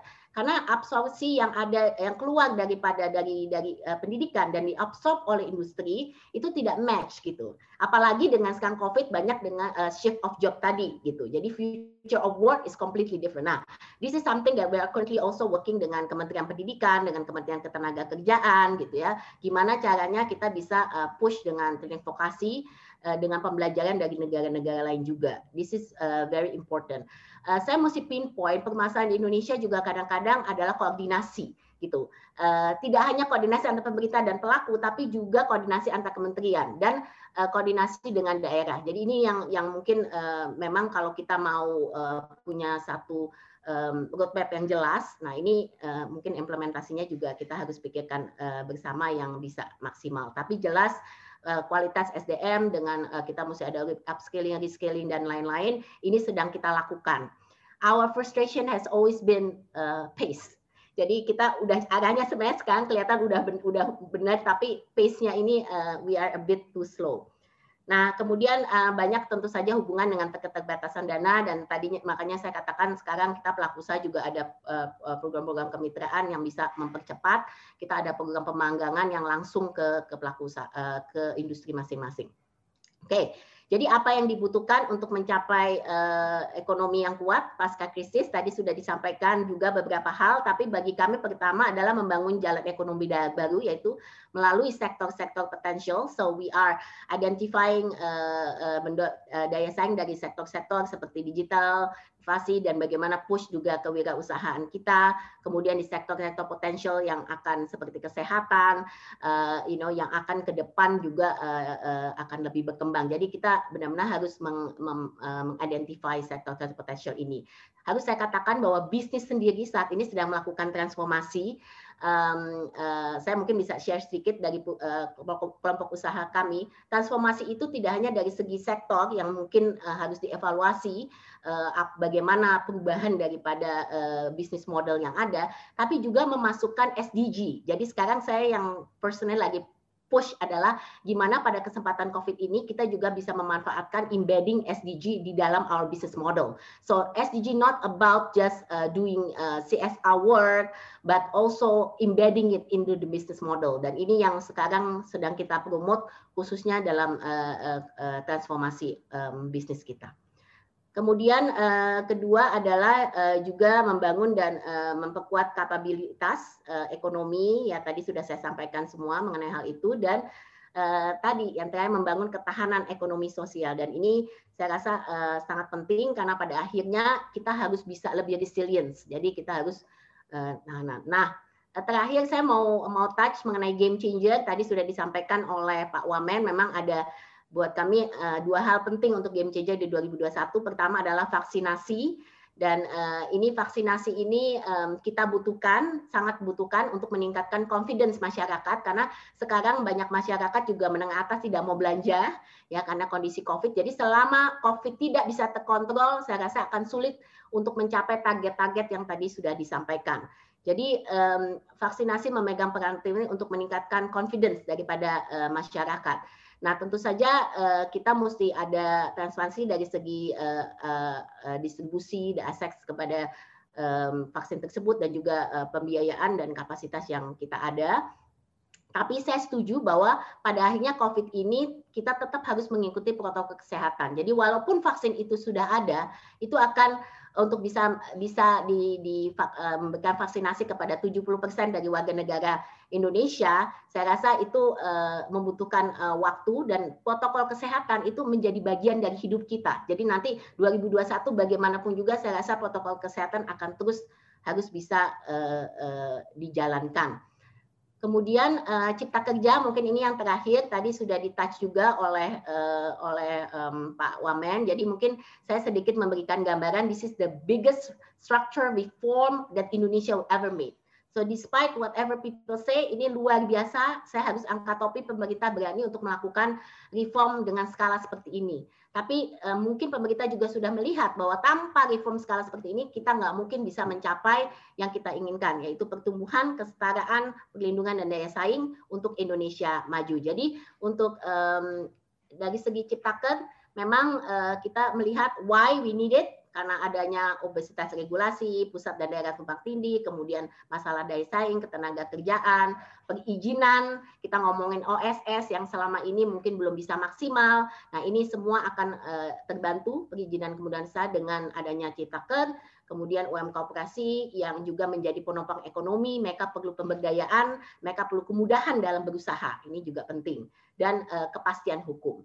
Nah ini nanti saya nggak akan detailin ke ucap Ciptaker, tapi memang kalau nanti eh, eh, hal-hal uh, uh, saya rasa teman-teman juga mungkin sudah banyak yang tahu, tapi memang ada 11 klaster dan saat ini apa yang dilakukan adalah pemerintah sedang menyiapkan draft untuk RPP untuk pelaksanaannya, di mana akan selesai dalam uh, tiga bulan, jadi uh, targetnya awal Februari sudah harus diselesaikan dan uh, pelaku usaha uh, juga uh, masyarakat sangat terlibat sekarang kali ini sangat transparan prosesnya dan kami juga terus mengawal untuk memberikan masukan-masukan kepada pemerintah. Demikian, terima kasih.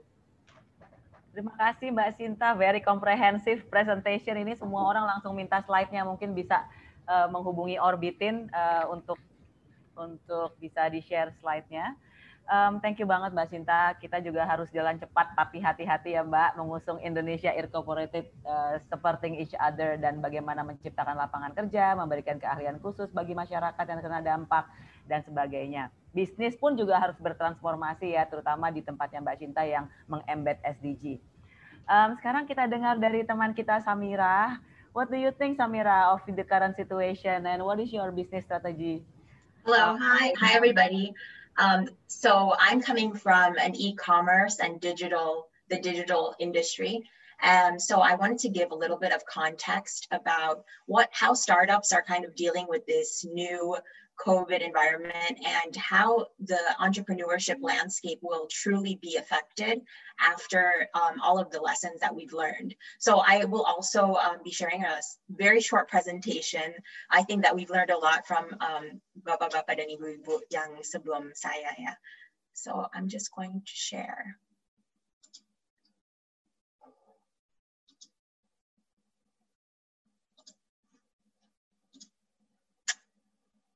Okay, udah aman ya? Okay, Samira. Okay, so um, as uh, it was mentioned before, I'm in e-commerce. So I work, I'm the CEO and co-founder of Tinkerless.com. So Tinkerless.com, we are an e-commerce that serves both um, fast fashion and also luxury fashion primarily for females here in Indonesia. We launched around six years ago and kita juga udah diinvest sama GDP, which is uh, Jarum Ventures. So, um, so far what we've seen in e-commerce is there's definitely an acceleration as Pak Bambang had mentioned. In a lot of industries that we're seeing, especially here in Indonesia, there is a lot of acceleration, not because of the want, but it's also, it's more so because of the need to adapt. So so I want to kind of give an overview mungkin dari micro and then I will bring it back to the macro.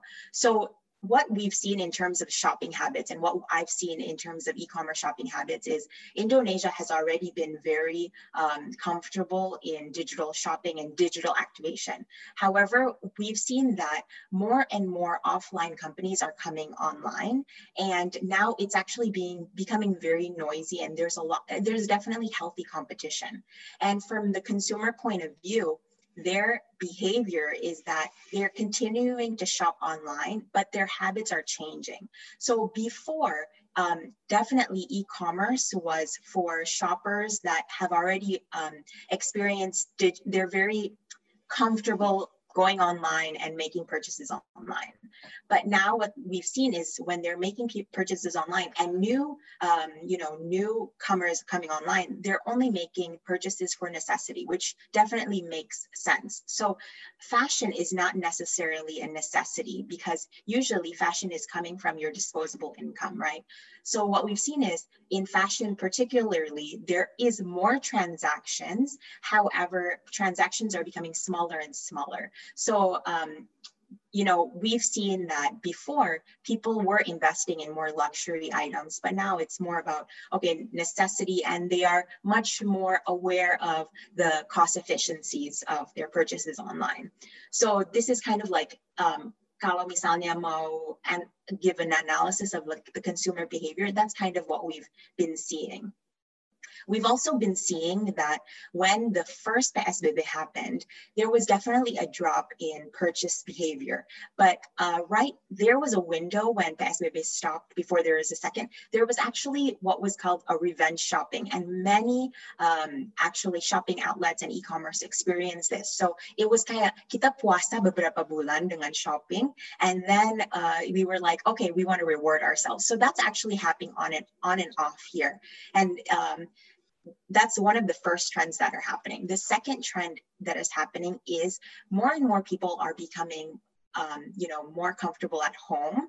So they're developing and they're kind of erasing their previous habits of just like window shopping online and purchasing uh, for their non-necessity. And they have, um, they're kind of more inviting to the minimalist way of shopping and that is actually replacing their prior habits because you know habits it takes some time to um, kind of change and to adapt and that's kind of what we're seeing that we were forced into to this new uh, normal this new behavior and that new behavior is actually replacing our old shopping habits. So um, as we, as it was said before, e-commerce is huge in Indonesia, especially in, um, in, in terms of how it compares to Southeast Asia, the growth and also the um, economic push that it has um, it, it's it's it's um, very crucial for not only the financial benefits but also the job creation so what i mean by the job creation is it's not just in the bigger you know uh, players like the startups like for tokopedia or um, bukalapak but what i'm saying is it also allows individuals to create a source of income for themselves and work for themselves. There are now multiple platforms that can empower new entrepreneurs to have this source of revenue. And so what we've seen is uh, in the past uh, several years and before even COVID happened, this um, was going to grow eightfold. And so that's one of the things that um, we've seen getting accelerized. So in uh, the COVID era, e-commerce benar-benar jadi booming banget. So what does this mean for e-commerce players that were you know already successful or already apparent before covid? They have definitely more and more competition.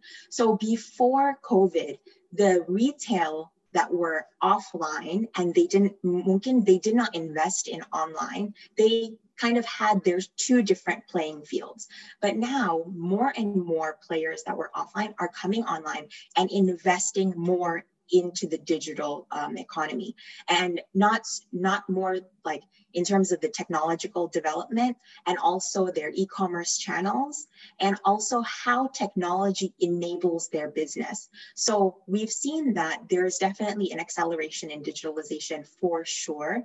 And this is definitely great for both the consumers that are shopping online so that they have more um, you know choices to shop from but also for the development of the economy in terms of logistical needs um, online payments. So we are seeing that because more and more uh, consumers and the growth of the market share of digital are coming online more and more of these mungkin kaya old old school players that Munkin hasn't invited online, they are now open and they're making more an investment towards online. So this is like one of the things that we've definitely been seeing. For uh, e-commerce, that Munkin, we did not anticipate that kind of competition so soon. It is definitely putting our uh, the pressure on us. How do we continue to engage our audience more and more? Um, so here there are definitely three winners. Numbers, the number one is the customer and the customer in Java and also di luar Java. Soalnya sekarang um, they are more they allow themselves more to find other options in their consumer needs. Number two is obviously the company. They can now reach a larger market rather than just their local market. So this is another revenue stream that allows them to grow despite the current economic um, activity.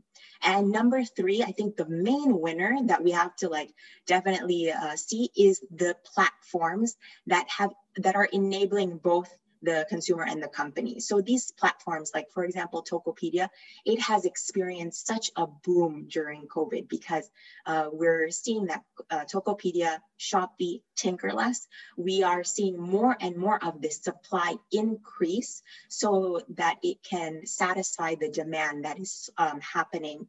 Um, yeah, so that's one amazing thing. The e-commerce boom continues to happen and therefore allows for uh, you know, the creativity of entrepreneurs to continue to maintain.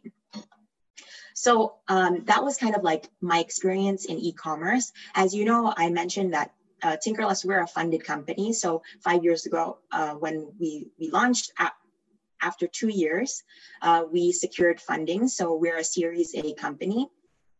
And uh, we closed our fundraising round actually in February. And I thank God for that because in March, if I had um, extended my fundraising, it would have been a different story. So I closed fundraising in February because now the fundraising um, and investor outlook is totally different. They've really shifted. And so one of the things that uh, we kind of have to think about is that they're more um, when they invest in companies, companies have to be more in terms of how is this business sustainable, right? And how can this business survive COVID? And also, COVID is similar to like a stress test for um, uh, companies as well. So when we see when we kind of like reflect on that investors are becoming more conservative. And when we talk about uh, venture capital i usually talk about that in the sense of um, they're investing in tech companies and tech companies require five to maybe even 10 years to um, kind of break even or even become profitable. So even the unicorns in indonesia have not reached profitability. And so what we're seeing is investors do not want to take that risk anymore. What they're uh, daripada mereka yang dulu diversifying their portfolio. So they're kind of like taking a chance here on e-commerce, on education, on um, you know food and beverage. Now they're really concentrating on the companies that have shown success during this COVID time, and that is health, obviously, obviously pharmaceuticals. So um, you know uh, education, access to education, and also e-commerce, but not e-commerce, maybe, uh, for example, fashion, but like groceries. So groceries that have been experiencing a boom. And also any platform that engages um, this kind of activity. So, you know, uh, what we're seeing is that investors are definitely becoming more, yeah, they're becoming more conservative, I, I would say. But when um, for certain industries where they feel like it is going to be successful, they will double down and they will definitely invest. That's number one. Number two is investors are investing currently in their own portfolio. So a lot of these startups are experiencing, you know, um, huge losses or layoffs. And so investors are kind of trying to make a bet with their current portfolio companies. So, what is the startup situation now? Like, as an, a CEO of a startup, like, how did I take it in the first um, couple of weeks? I remember actually in March when my co-founder was like, uh, you know, kita harus work from home. And we were having a discussion like, beneran nih work from home? How long? Because we are an e-commerce company, right? So, um, in turn, basically, how to do business is to ship our um, transactions and we have to fulfill these customer orders so we were kind of panicking and like we basically kalau misalnya we cannot ship our uh, products the, there's no business, right? So untungnya the, the government has realized that this is one of the essential pillars of business, right? Fulfillment. So, um, you know, Tinkerless and so many e-commerce, we, we have been able to maintain our operations. But how did we kind of react to it? Um, on the other way and the business way. Number one is we cash conserved. So we thought cash is definitely king. As I mentioned in February kan kita baru fundraising. So we had a runway of about 18 months. Nah, dari 18 bulan itu kita benar-benar we try to forecast it so it could last for 36 months. Because if we don't know the situation next year how it's going to be happening right so we wanted to extend the runway as soon as much as possible and decrease our burn rate. And how did we decrease our burn rate? Number one is we no longer invested in brand marketing or marketing in general. We were just more concerned with um, kind of keeping and retaining our uh, current like pool of customers and also uh, just kind of engaging with more um, organic methods like content marketing or just like word of mouth or just keeping through social media. Tapi kalau misalnya obviously offline events or digital advertising, we really decrease our budget around 75%. Um, we've been also seeing kind of like my peers left and right have been doing layoffs. And I remember a few um, in the same portfolio, we have a, a, hospitality startup. And what they did was they laid off around 70% of their workforce within the first two weeks. And so we've seen a lot of aggressive moves like that. Tinkerless, what we've been doing is we do unpaid leave. So even though we don't lay off our employees, we do take a cut, all of us, so that we can come together and save the company and survive together for the future. Um, so that's kind of like uh, a lot of entrepreneurs and CEOs alike, they have been understanding that right now the priority is survival. It's not about growth. It's not about you know being um, acknowledged for anything. It's about keeping our head down, working as hard as we can, and surviving. Uh, number two, I, I, think one of the uh, most often things that we've been seeing is a lot of companies have been pivoting. So, like for example, Tinkerless, right?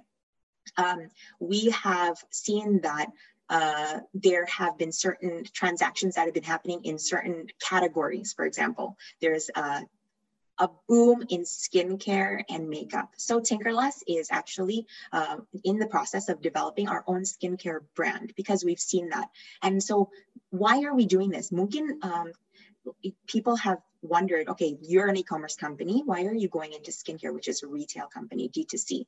But we see, okay, we have the back end already. We already have the logistics, we have the marketing, we have the name. And this is another way that we can kind of expand our revenue channels. So this is one thing that many companies have been doing. I know a real estate company, uh, they had like a lot of they have agents with them and they have a huge logistics and um, delivery kaya kaya what antar antar agent. So they trans uh, transferred into a grocery store like online grocery store. So that's kind of like uh, some examples of how entrepreneurial business are pivoting. And i think that a lot of things that we see about entrepreneurs in general is that we act on opportunities, right? But we have to understand the business climate that we're in and we have to just step on our two feet and see that mungkin ekonomi lagi turun sekarang or mungkin our business right now lagi turun and we're not getting the same ROI. However, we have to kind of we have to kind of magnify the opportunities and that's kind of our jobs as entrepreneurs juga how do we make of lemonade dari lemons gitu so that's one of the things that um, i think all of the entrepreneurs are trying to do. Like we're trying to really think about how can we make an impact in this kind of current environment with the assets that we already have. And i think that that will definitely be ingrained in the entrepreneurship kind of blood gitu like we um, mungkin kayak we've seen Indonesia, especially kalau compared to Southeast Asia, the growth has been amazing. And that has definitely impacted the opportunity for startups, uh, for small companies, and for entrepreneurs because the Indonesian market is so um, lively and so ready for any opportunity gitu, uh, in the market. We put out a product and they're eager to, you know, uh, give it a chance. But now it's kind of like our responsibility to see okay what does the economy need and how can we um, still survive with that? So i think that that definitely will be ingrained in our mindset. The second thing that will definitely be ingrained in our mindset is we need to build a company to become profitable. So i think that a lot of e-commerce business a lot of tech companies as well in the past um, five years when the e- like the startup ecosystem was coming into play, we didn't think about profitability. Instead, we thought about more vanity metrics. So vanity metrics is like, what's our sales, number of users, how many millions of people are coming onto the website. Obviously, we are very proud of Tinkerless. We have more than a million users um, each month. However, at the end of the day, it's about the bottom line of the business. And the bottom line is profits. And profits lead to a sustainable company. So I think that this is the future of entrepreneurship. Investors are no longer caring about the future five, 10 years, but they're thinking about today.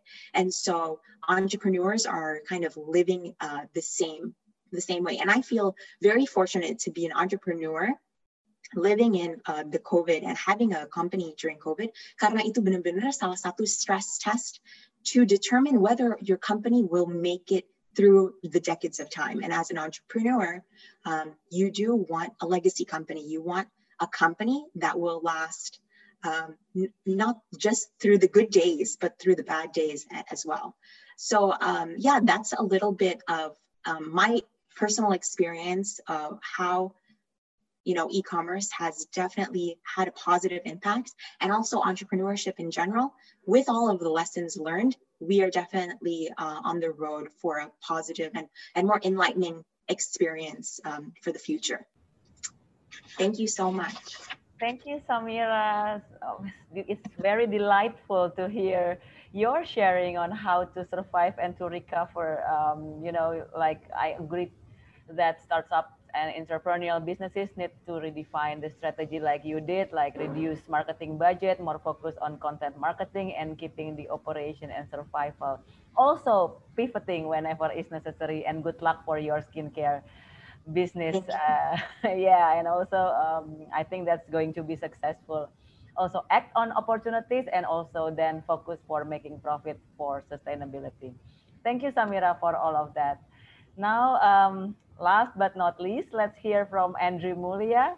I know that uh, we know that you've been you've been doing some work on SME at Smesco. Can you please share what your thoughts? Thank you, Andrew. Sure, Ibu Dona. Uh, ya, terima kasih Ibu Dona, Pak Jimmy buat kesempatan ini. Saya coba share screen juga buat presentasi. Silakan. Ya, semoga uh, kelihatan. Oke, okay, kelihatan. Ya, agak susah ya untuk memberikan presentasi setelah Pak Wamen, Pak Wapres. Cuman uh, mungkin saya akan uh, menjawab atau mendukung apa yang sudah dipaparkan sebelumnya. Kan kalau saya tangkap Pak Wamen concernnya itu adalah defisit, uh, kalau ADB concernnya itu uh, perizinan jangan terlalu ribet, dan kalau tadi uh, Ibu Sinta itu uh, jangan cepat-cepat dan hati ada moral risk and hazard, juga mungkin uh, buat uh, Lemon menjadi uh, mungkin saya bisa kaitkan ini semua tuh dengan apa yang sedang dikerjakan di Smesco. Jadi kan saat ini ketika saya lagi menjalankan MD saya di Georgetown, saya diberikan kesempatan untuk juga membantu uh, menjadi tenaga ahli di Smesco. Smesco sendiri adalah uh, layanan pemasaran untuk KUKM di Indonesia. Jadi mereka itu BLU dan emang tugas mereka adalah uh, campuran dari AP BN dan juga uh, eh, PNBP untuk membantu mengembangkan UMKM-UMKM di Indonesia. Jadi sih uh, ada beberapa ya. Jadi mungkin saya akan skip slide ini tentang industri yang sedang berkembang karena tadi sudah dibahas secara detail oleh teman-teman. Saya akan langsung aja ke apa yang sedang di pengalaman saya sebagai tenaga ahli di Smesco. Jadi sih kita di Smesco tuh kita mengembangkan semacam platform untuk membantu UMKM-UMKM ini untuk saat ini melawan COVID dan lain-lain, dan juga setelah COVID untuk bisa bounce back dan berkembang lebih jauh.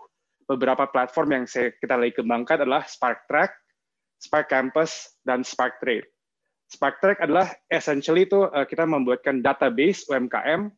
Jadi seperti yang sudah dilihat di slide halaman paling pertama, sudah ada sekitar 4.900 mitra yang terdaftar di Smesco, dan itu pun uh, belum semuanya, masih ada 9.000 lagi yang masih kita konsolidasi datanya, dan uh, kita akan bisa memetakan sampai tingkat per kabupaten di peta seperti ini. Dan ketika kita lihat uh, warnanya berbeda, ketika warnanya lebih padat, artinya di kabupaten tersebut lebih banyak UMKM yang ada di kabupaten tersebut. Dan kita juga bisa membagi per kategori dan per industri. Rencana kita ke depannya kita akan juga mengembangkan untuk meminta UMKM UMKM ini untuk self reporting agar kita bisa mendapatkan data terkait volume perdagangan antar kabupaten dan juga antar provinsi. Jadi yang kita lihat nih opportunity-nya tidak hanya uh, ekspor, tapi kita juga melihat domestic trading-nya antar provinsi itu bisa meningkat untuk meningkatkan sirkulasi ekonomi. Setelah database ini kita uh, bangun, kita akan juga next step-nya adalah ke Spark Campus. Di mana kan tadi uh, ada concern untuk adanya upskilling oleh Pak Wapres uh, upskilling. Jadi Smesco sendiri sih memberikan layanan-layanan webinar gratis untuk pelatihan dari dari segi perizinan, dari segi bookkeeping, perpajakan untuk UMKM-UMKM ini yang sebelumnya tidak mempunyai kemampuan atau skill untuk memulai bisnis atau mungkin agak uh, bingung mulai dari mana, mereka bisa mulai nih dengan mendaftar sebagai mitranya Smesco karena kita memang BLU, kita bukan swasta, jadi kita memang tugas kita dari pemerintah adalah untuk membantu eh, pengusaha-pengusaha baru agar bisa berbisnis dengan lancar. Ketika mereka sudah melalui proses pelatihan dan campus ini, mereka akan bisa mendapatkan akses kepada platform kita yaitu Spark Trade. Spark Trade ini adalah kayak semacam B2B e-commerce yang kita rencana sih launching tahun depan ya. Ini lagi masih beta testing secara internal oleh dengan mitra-mitra kita.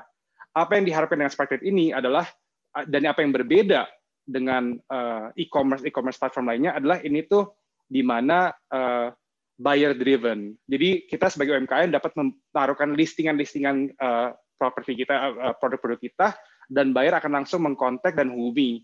Ketika mereka mengkontak dan menghubungi, mereka akan mendapatkan akses kepada uh, e-brochure atau virtual store, di mana produk-produk UMKM ini kita display tanpa harga ya, karena kan kita kita juga menunjukkan kapasitas dan kemampuan setiap UMKM ini tuh bisa produksi berapa. Jadi kita tuh berharap dengan adanya platform ini akan terjadi link and match antara uh, pengusaha dan juga calon-calon investor atau uh, user.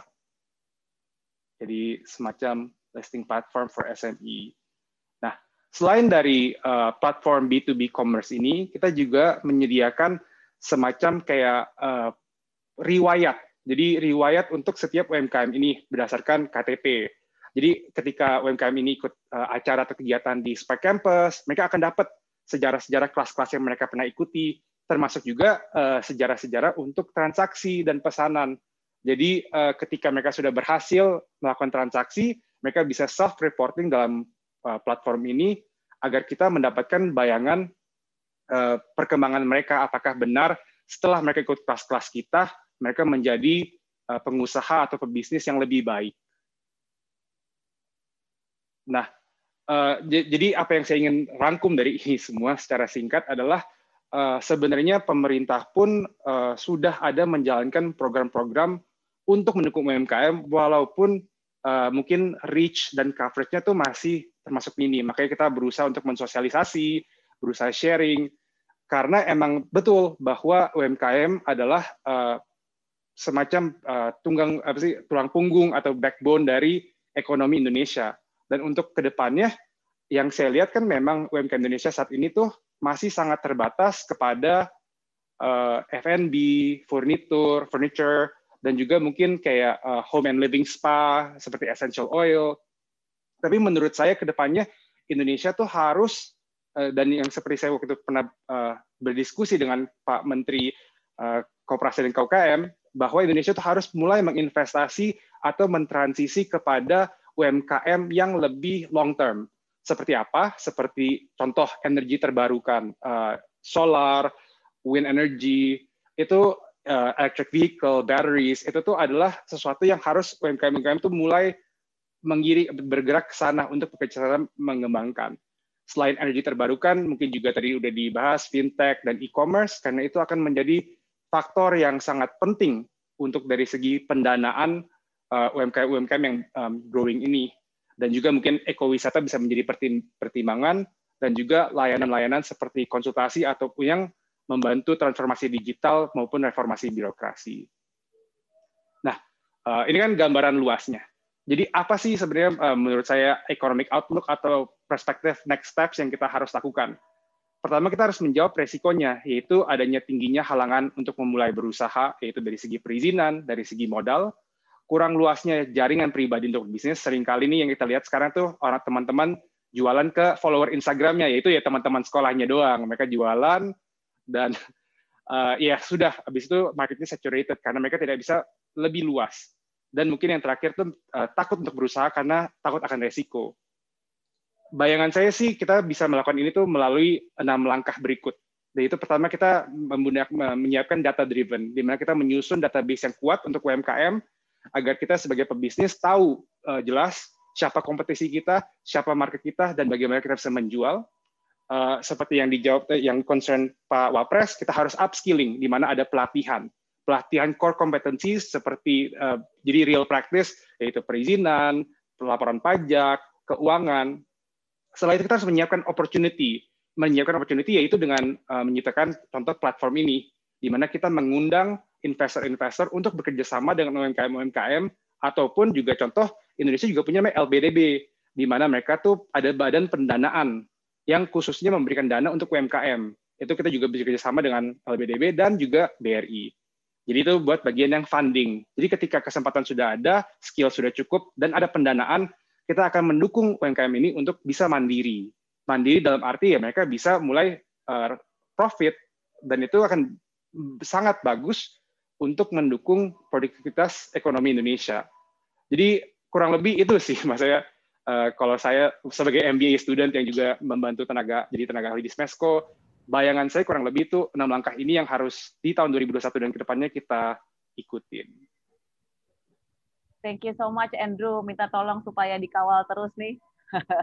and I think this is very noble um, effort and I think after you graduate please uh, stay involved in the UKM ini. I think they need this.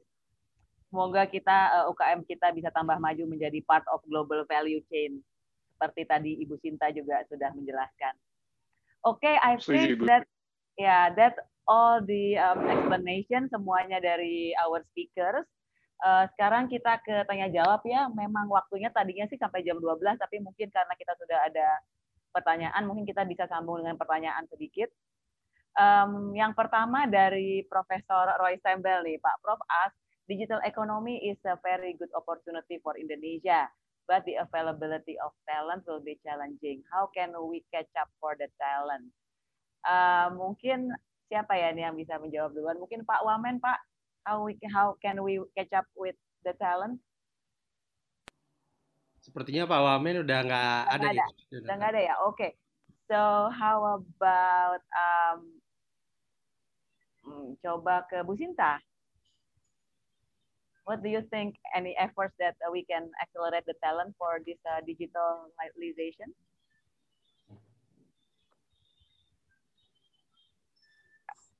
Are you still there, Bu Sinta? Yes. Kayaknya Samira juga oke okay tuh untuk ya bicara. Ya deh, Samira aja deh.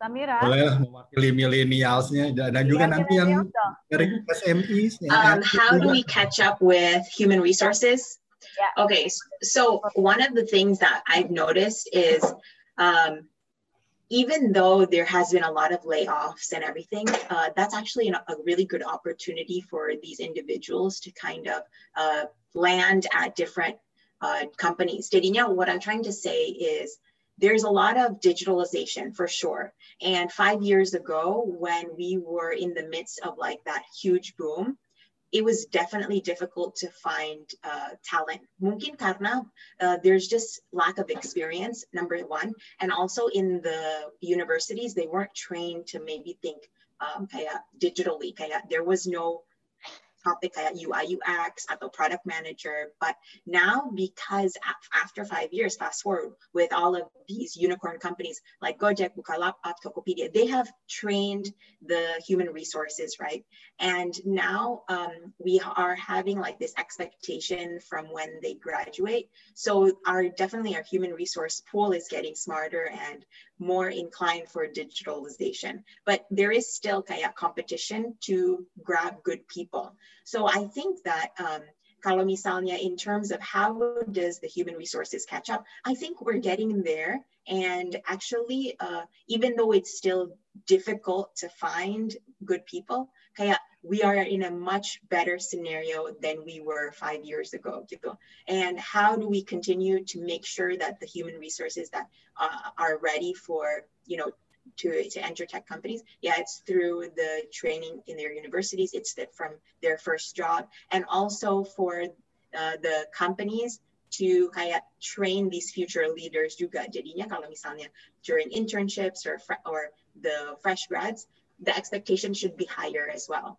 So I, I don't know. I feel like right now, even though um, the economy mungkin nggak se sebaik like our, our expectation, the job market is still uh, very healthy for for ini ya like the digital consumers. Kalau informal workers, it's it's different. Tapi what I'm talking about is more uh, for to enter the digital economy. Ya, jadi usaha-usaha untuk menuju ke situ semuanya sudah dilakukan dilaksanakan juga ya. Jadi sekarang kembali lagi ke manusianya, Pak Profesor. Gimana Pak Profesor? Oke. Okay. Kalau boleh saya tambahin nih, boleh uh, Dona. Silakan. Sebetulnya pertanyaan ini bisa dijawab sendiri sama Prof. Roy itu, ya. karena beliau di bidang itu. jadi, jadi paling tepat sebetulnya jawab adalah Prof. Roy sendiri. Prof. Tapi sendiri. tadi Samira juga sudah menyampaikan ya. Buat saya sih uh, sebetulnya kita nggak takut tentang talent ya. Yang kita, yang sebetulnya kami lihat di beberapa negara yang kita inginkan lebih di uh, apa dicermati adalah digital literacy ya. Jadi uh, kalau talent tuh kayaknya memang generasi muda itu mau nggak mau suka suka mereka automatically akan digital savvy gitu. Tetapi kita melihat adanya inequality dari akses sehingga digital literacy ini tidak tidak semua uh, elemen masyarakat bisa ditransformasikan dalam waktu dekat. Yang saya lihat juga beberapa studi memperlihatkan bahwa makin cepat, jadi kecepatan untuk menjadi digital literasinya dicapai, itu makin kuat posisi uh, digital ekonomi satu negara. Nah, kecepatan ini yang jadi the new uh, game changer kalau kalau kita mengambil apa istilah itu ya. Uh, sehingga kalau uh, kami melihat juga betapa pentingnya uh, digital literasi ini cepat sekali untuk dikembangkan dan itu merupakan program yang harus didukung semua stakeholders.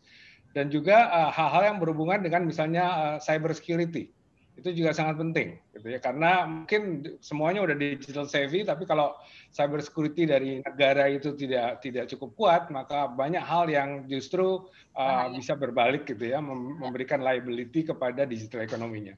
Uh, kalau misalnya kalau dari sisi digital talent uh, saya uh, tahu persis Prof. Roy juga uh, mengajar di bidang ini. Ya. sehingga untuk uh, apa mencetak ataupun uh, menyiapkan uh, new generations kita saya nggak khawatir. Yang yang saya khawatir tadi bagaimana kita menyiapkan ekosistemnya agar teman-teman yang sudah mempunyai kemampuan untuk digital ekonomi ini bisa berkembang dan juga menjadi uh, soko guru baru dari ekonomi kita. Saya tambahkan sedikit itu. Terima kasih. Thank you Mas Bambang. Yes Jim. Dona boleh sedikit ya saya boleh juga dong. nambah karena apa I was in education dan sekarang di uh, di tech juga gitu. Dan memang kalau kita lihat uh, kan ada dua uh, apa uh, yang satu yang apa seumur umurnya Mbak Samira nih yang digital native gitu kan dari mulai lahir udah udah terbiasa gitu. Tapi kita kalau kita kan mungkin ya kita maksudnya saya sama Dona gitu kan itu kita betul-betul harus belajar gitu. Dan saya menemukan juga di di di perusahaan kita gitu ya di grup perusahaan kita yang muda-muda ini kalau kita bicara mengenai digital itu jauh lebih lebih cepat gitu untuk bisa adapt. Sementara uh, apa uh, ada ada orang-orang tertentu uh, yang generasi-generasi sebelumnya gitu ya angkatan kita yang bisa adapt cepat tapi juga banyak yang masih kesulitan gitu untuk uh, adaptiveness itu itu yang perlu mungkin juga uh, mindsetnya dirubah jadi selain daripada uh, apa uh, yang millennials yang yang digital native ini mereka bisa masuk untuk uh, apa mempercepat perubahan-perubahan yang terjadi untuk digitalisasi, tapi juga uh, yang uh, punya skills yang lama mungkin itu juga bisa di convert menjadi ya tadi pivoting tadi ya pivoting reskilling dan seterusnya. Ini sangat penting gitu. Karena keberhasilan kita itu uh, juga thrive on whether we can actually transform ourselves terutama yang generasi yang uh, the older generation uh, terhadap the new way of doing things. Karena kita lihat gitu kan tiba-tiba uh, working from home gitu.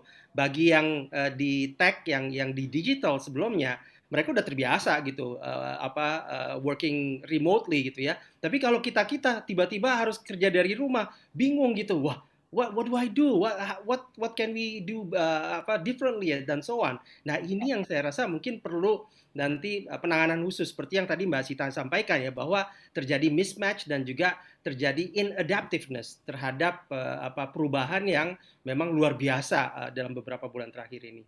Dan juga tidak bisa dipungkiri, Jim, uh, hardware-nya juga belum semua masyarakat itu punya laptop, for instance. Nggak semua pekerja di suatu perusahaan tuh bisa bekerja remote. Itu juga ternyata menjadi tantangan juga di beberapa perusahaan yang saya tahu gitu. Jadi memang PR-nya masih banyak nih untuk dari segi talentnya, hardware, software. Akan tetapi seperti yang tadi sudah kita diskusikan juga, COVID ini silver lining-nya, lesson learn-nya banyak sekali Uh, jadi mungkin ini diskusi ini juga bisa menjadi batu loncatan ya untuk kita semua yang terlibat di sini untuk kembali memikirkan kira-kira apa yang bisa kita lakukan bersama-sama dengan pemerintah dan juga mungkin um, kiprah-kiprah dari Mas Bambang di ADB juga kita tunggu untuk bisa pemulihan ekonomi secepatnya nih.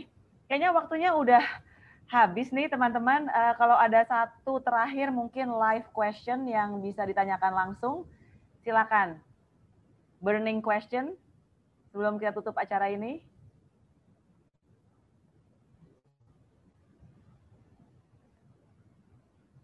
Kayaknya sudah sudah kalau dari panelis dan uh, Mas Bambang ada yang atau Jimmy ada yang mau disampaikan komen terakhir? Uh, Oke okay lah, uh, karena masih ada waktu sedikit, jadi saya mau menutup dengan apa uh, satu advice untuk 5E ya. E yang pertama itu adalah economic competitiveness dan juga resilience. Jadi selama ini kita bicara uh, economic resilience itu tidak mengikutsertakan faktor health yang embedded di dalam ekonomi. Saya kira sekarang waktunya kita melihat dengan multi dimensions. Jadi E yang pertama adalah economic competitiveness dan resilience. E, e yang kedua itu adalah equitable dan inclusiveness, equity. Jadi ini kita tadi yang saya sebutkan kita ada potensi akan lebih menganga jurang antara kaya dan miskin, have dan have not, yang mampu dan tidak mampu. Saya kira itu harus hati-hati ya, untuk kita recovery. Jadi yang kedua lebih ke arah uh, tadi uh, ke apa uh, ketimpangan-ketimpangan itu harus kita address, equity dan inclusiveness. E yang ketiga adalah uh, lebih ke arah uh, enabler. Jadi kita ingin sebagai uh, membuat satu ekosistem di mana semuanya jelas aturan mainnya. Saya kira tadi kalau menurut Mbak Sinta tadi Undang-Undang Cipta Kerja itu eh, sebetulnya ingin mengadres itu. Tentunya itu harus eh, dibarengi dengan certainty, clarity, dan juga uh, ekosistem yang akan nanti dibuat sehingga sehat dan mengakomodir semua pihak. Bukan sesuatu yang gampang, tapi harus dilakukan. Dan untuk membuat situasi enabling tadi, insentif dan disinsentif juga harus secara jelas dinyatakan. Yang selanjutnya adalah masalah environment dan climate change. Saya tadi sudah sebutkan bahwa sekarang ini private sector yang besar, institutional investor di di dunia ini. Kalau dulu kita sering di, di, diberitahukan bahwa yang namanya uang itu nggak punya hati gitu ya. Tapi sekarang justru investor besar mereka punya hati dan mereka sangat uh, concern terhadap ESG, environment, social, and governance. Mereka akan selalu tanya ini, merusak lingkungan nggak? Adakah uh, dampak sosialnya, yang terakhir governance-nya gimana, soal korupsi dan sebagainya. Ya, kalau kita deal sama institutional investor yang besar ataupun dengan uh, lembaga multilateral seperti ADB, Bank Dunia dan lainnya, tentu akan ini selalu akan ditanyakan. Dan yang terakhir, yang yang terakhir adalah engagement. Saya kira ini tidak bisa dilakukan oleh satu pihak saja, harus semua stakeholders menyangkut koordinasi tadi ada ada ada yang disampaikan juga koordinasi satu fancy word tapi susah dilakukan di lapangan. Dan uh, juga untuk engagement itu ini uh, uh, komunikasi harus dilakukan dengan baik. Karena kalau nggak baik nanti yang keluar ada adalah distrust public distrust bagaimana menimbulkan trust sehingga semua komponen dari stakeholders ini bisa sama-sama. Jadi sekali lagi economic competitiveness environment and climate change equity and inclusiveness enablers dan yang terakhir adalah engagement. Saya tutup di situ. Terima kasih. Luar biasa Mas Bambang, memang cocok banget untuk menjadi Pak Wapres ADB nih. 5E-nya kita bawa terus nih, kita ingat-ingat terus. Pasti bermanfaat buat semua. Jimmy, last words? Oke, okay, thank you so much uh, Dona, uh, Mas Bambang, uh, Mbak Samira, sama Andrew. Luar biasa ini tadi udah ditutup kayaknya sama uh, apa Mas Bambang dengan baik gitu ya. Uh, saya hanya ingin uh, stressing lagi tentang tadi apa yang disampaikan oleh Mbak Sinta Kamdani, yaitu bahwa uh, you know despite all the hal-hal uh, yang buruk gitu ya terhadap apa yang terjadi dengan COVID ini, tapi ada a sense of togetherness, a sense of uh, spirit gitu ya terhadap uh, fighting against this uh, common enemy. Selama ini kan common enemy-nya tuh uh, agak susah gitu ya untuk diidentifikasi. Tapi sepertinya uh, kita bicara mengenai COVID, uh, apa menjaga kesehatan, kemudian memastikan bahwa ekonomi bisa jalan, jangan sampai orang terpuruk ke, ke dalam jurang kemiskinan yang lebih dalam dan seterusnya itu menjadi uh, concern semua orang dan sepertinya ada uh, apa sense of togetherness untuk bisa uh, apa melawan itu semua. Nah, uh, saya terima kasih banget ini apa tadi uh, semua perspektif udah uh, di cover. Ini ini saya rasa harus dilanjutkan lagi karena it cannot be just uh, apa just uh, one uh, or two uh, discussions. Uh, yang jelas tadi ada beberapa hal yang uh, sudah kita itu saya rasa tidak perlu kesimpulan lagi ya Don ya. ya. Mau disimpulkan lagi? Uh, kesimpulannya adalah ya Kayaknya udah disimpulkan semua ya. udah ya. Saya, saya setuju sih. Jadi uh, semuanya harus uh, let's let's keep um, working together, collaboration. Uh, pemerintah juga sudah melakukan apa yang pemerintah bisa untuk mensupport. Jadi uh, adalah PR kita semua untuk menghadapi bersama-sama Indonesia Incorporated itu seperti kata Mbak Cinta itu sangat amat bagus untuk diterapkan. Kemudian pivot seperti kata Samira that we have to adapt terus kemudian start something new, lihat opportunity yang ada ya, dan kemudian jalan cepat tanpa me, uh, dan tetap harus melihat risknya. Jadi uh, I think that that can be uh, summarized untuk semuanya yang sudah hadir. Saya ucapkan terima kasih banyak kepada alumni Permias Nasional, Berkeley Club Indonesia dan juga Orbitin. Terima kasih banyak seluruh pembicara, Pak Wamen, Pak Wapres, Kemudian Mbak Cinta, Mbak Samira, Andrew, Mas Bambang, Jimmy, dan semuanya. Terima kasih banyak. Stay optimistic, stay healthy, and stay safe semuanya. See you next time. Wassalamualaikum warahmatullahi wabarakatuh. Waalaikumsalam warahmatullahi wabarakatuh.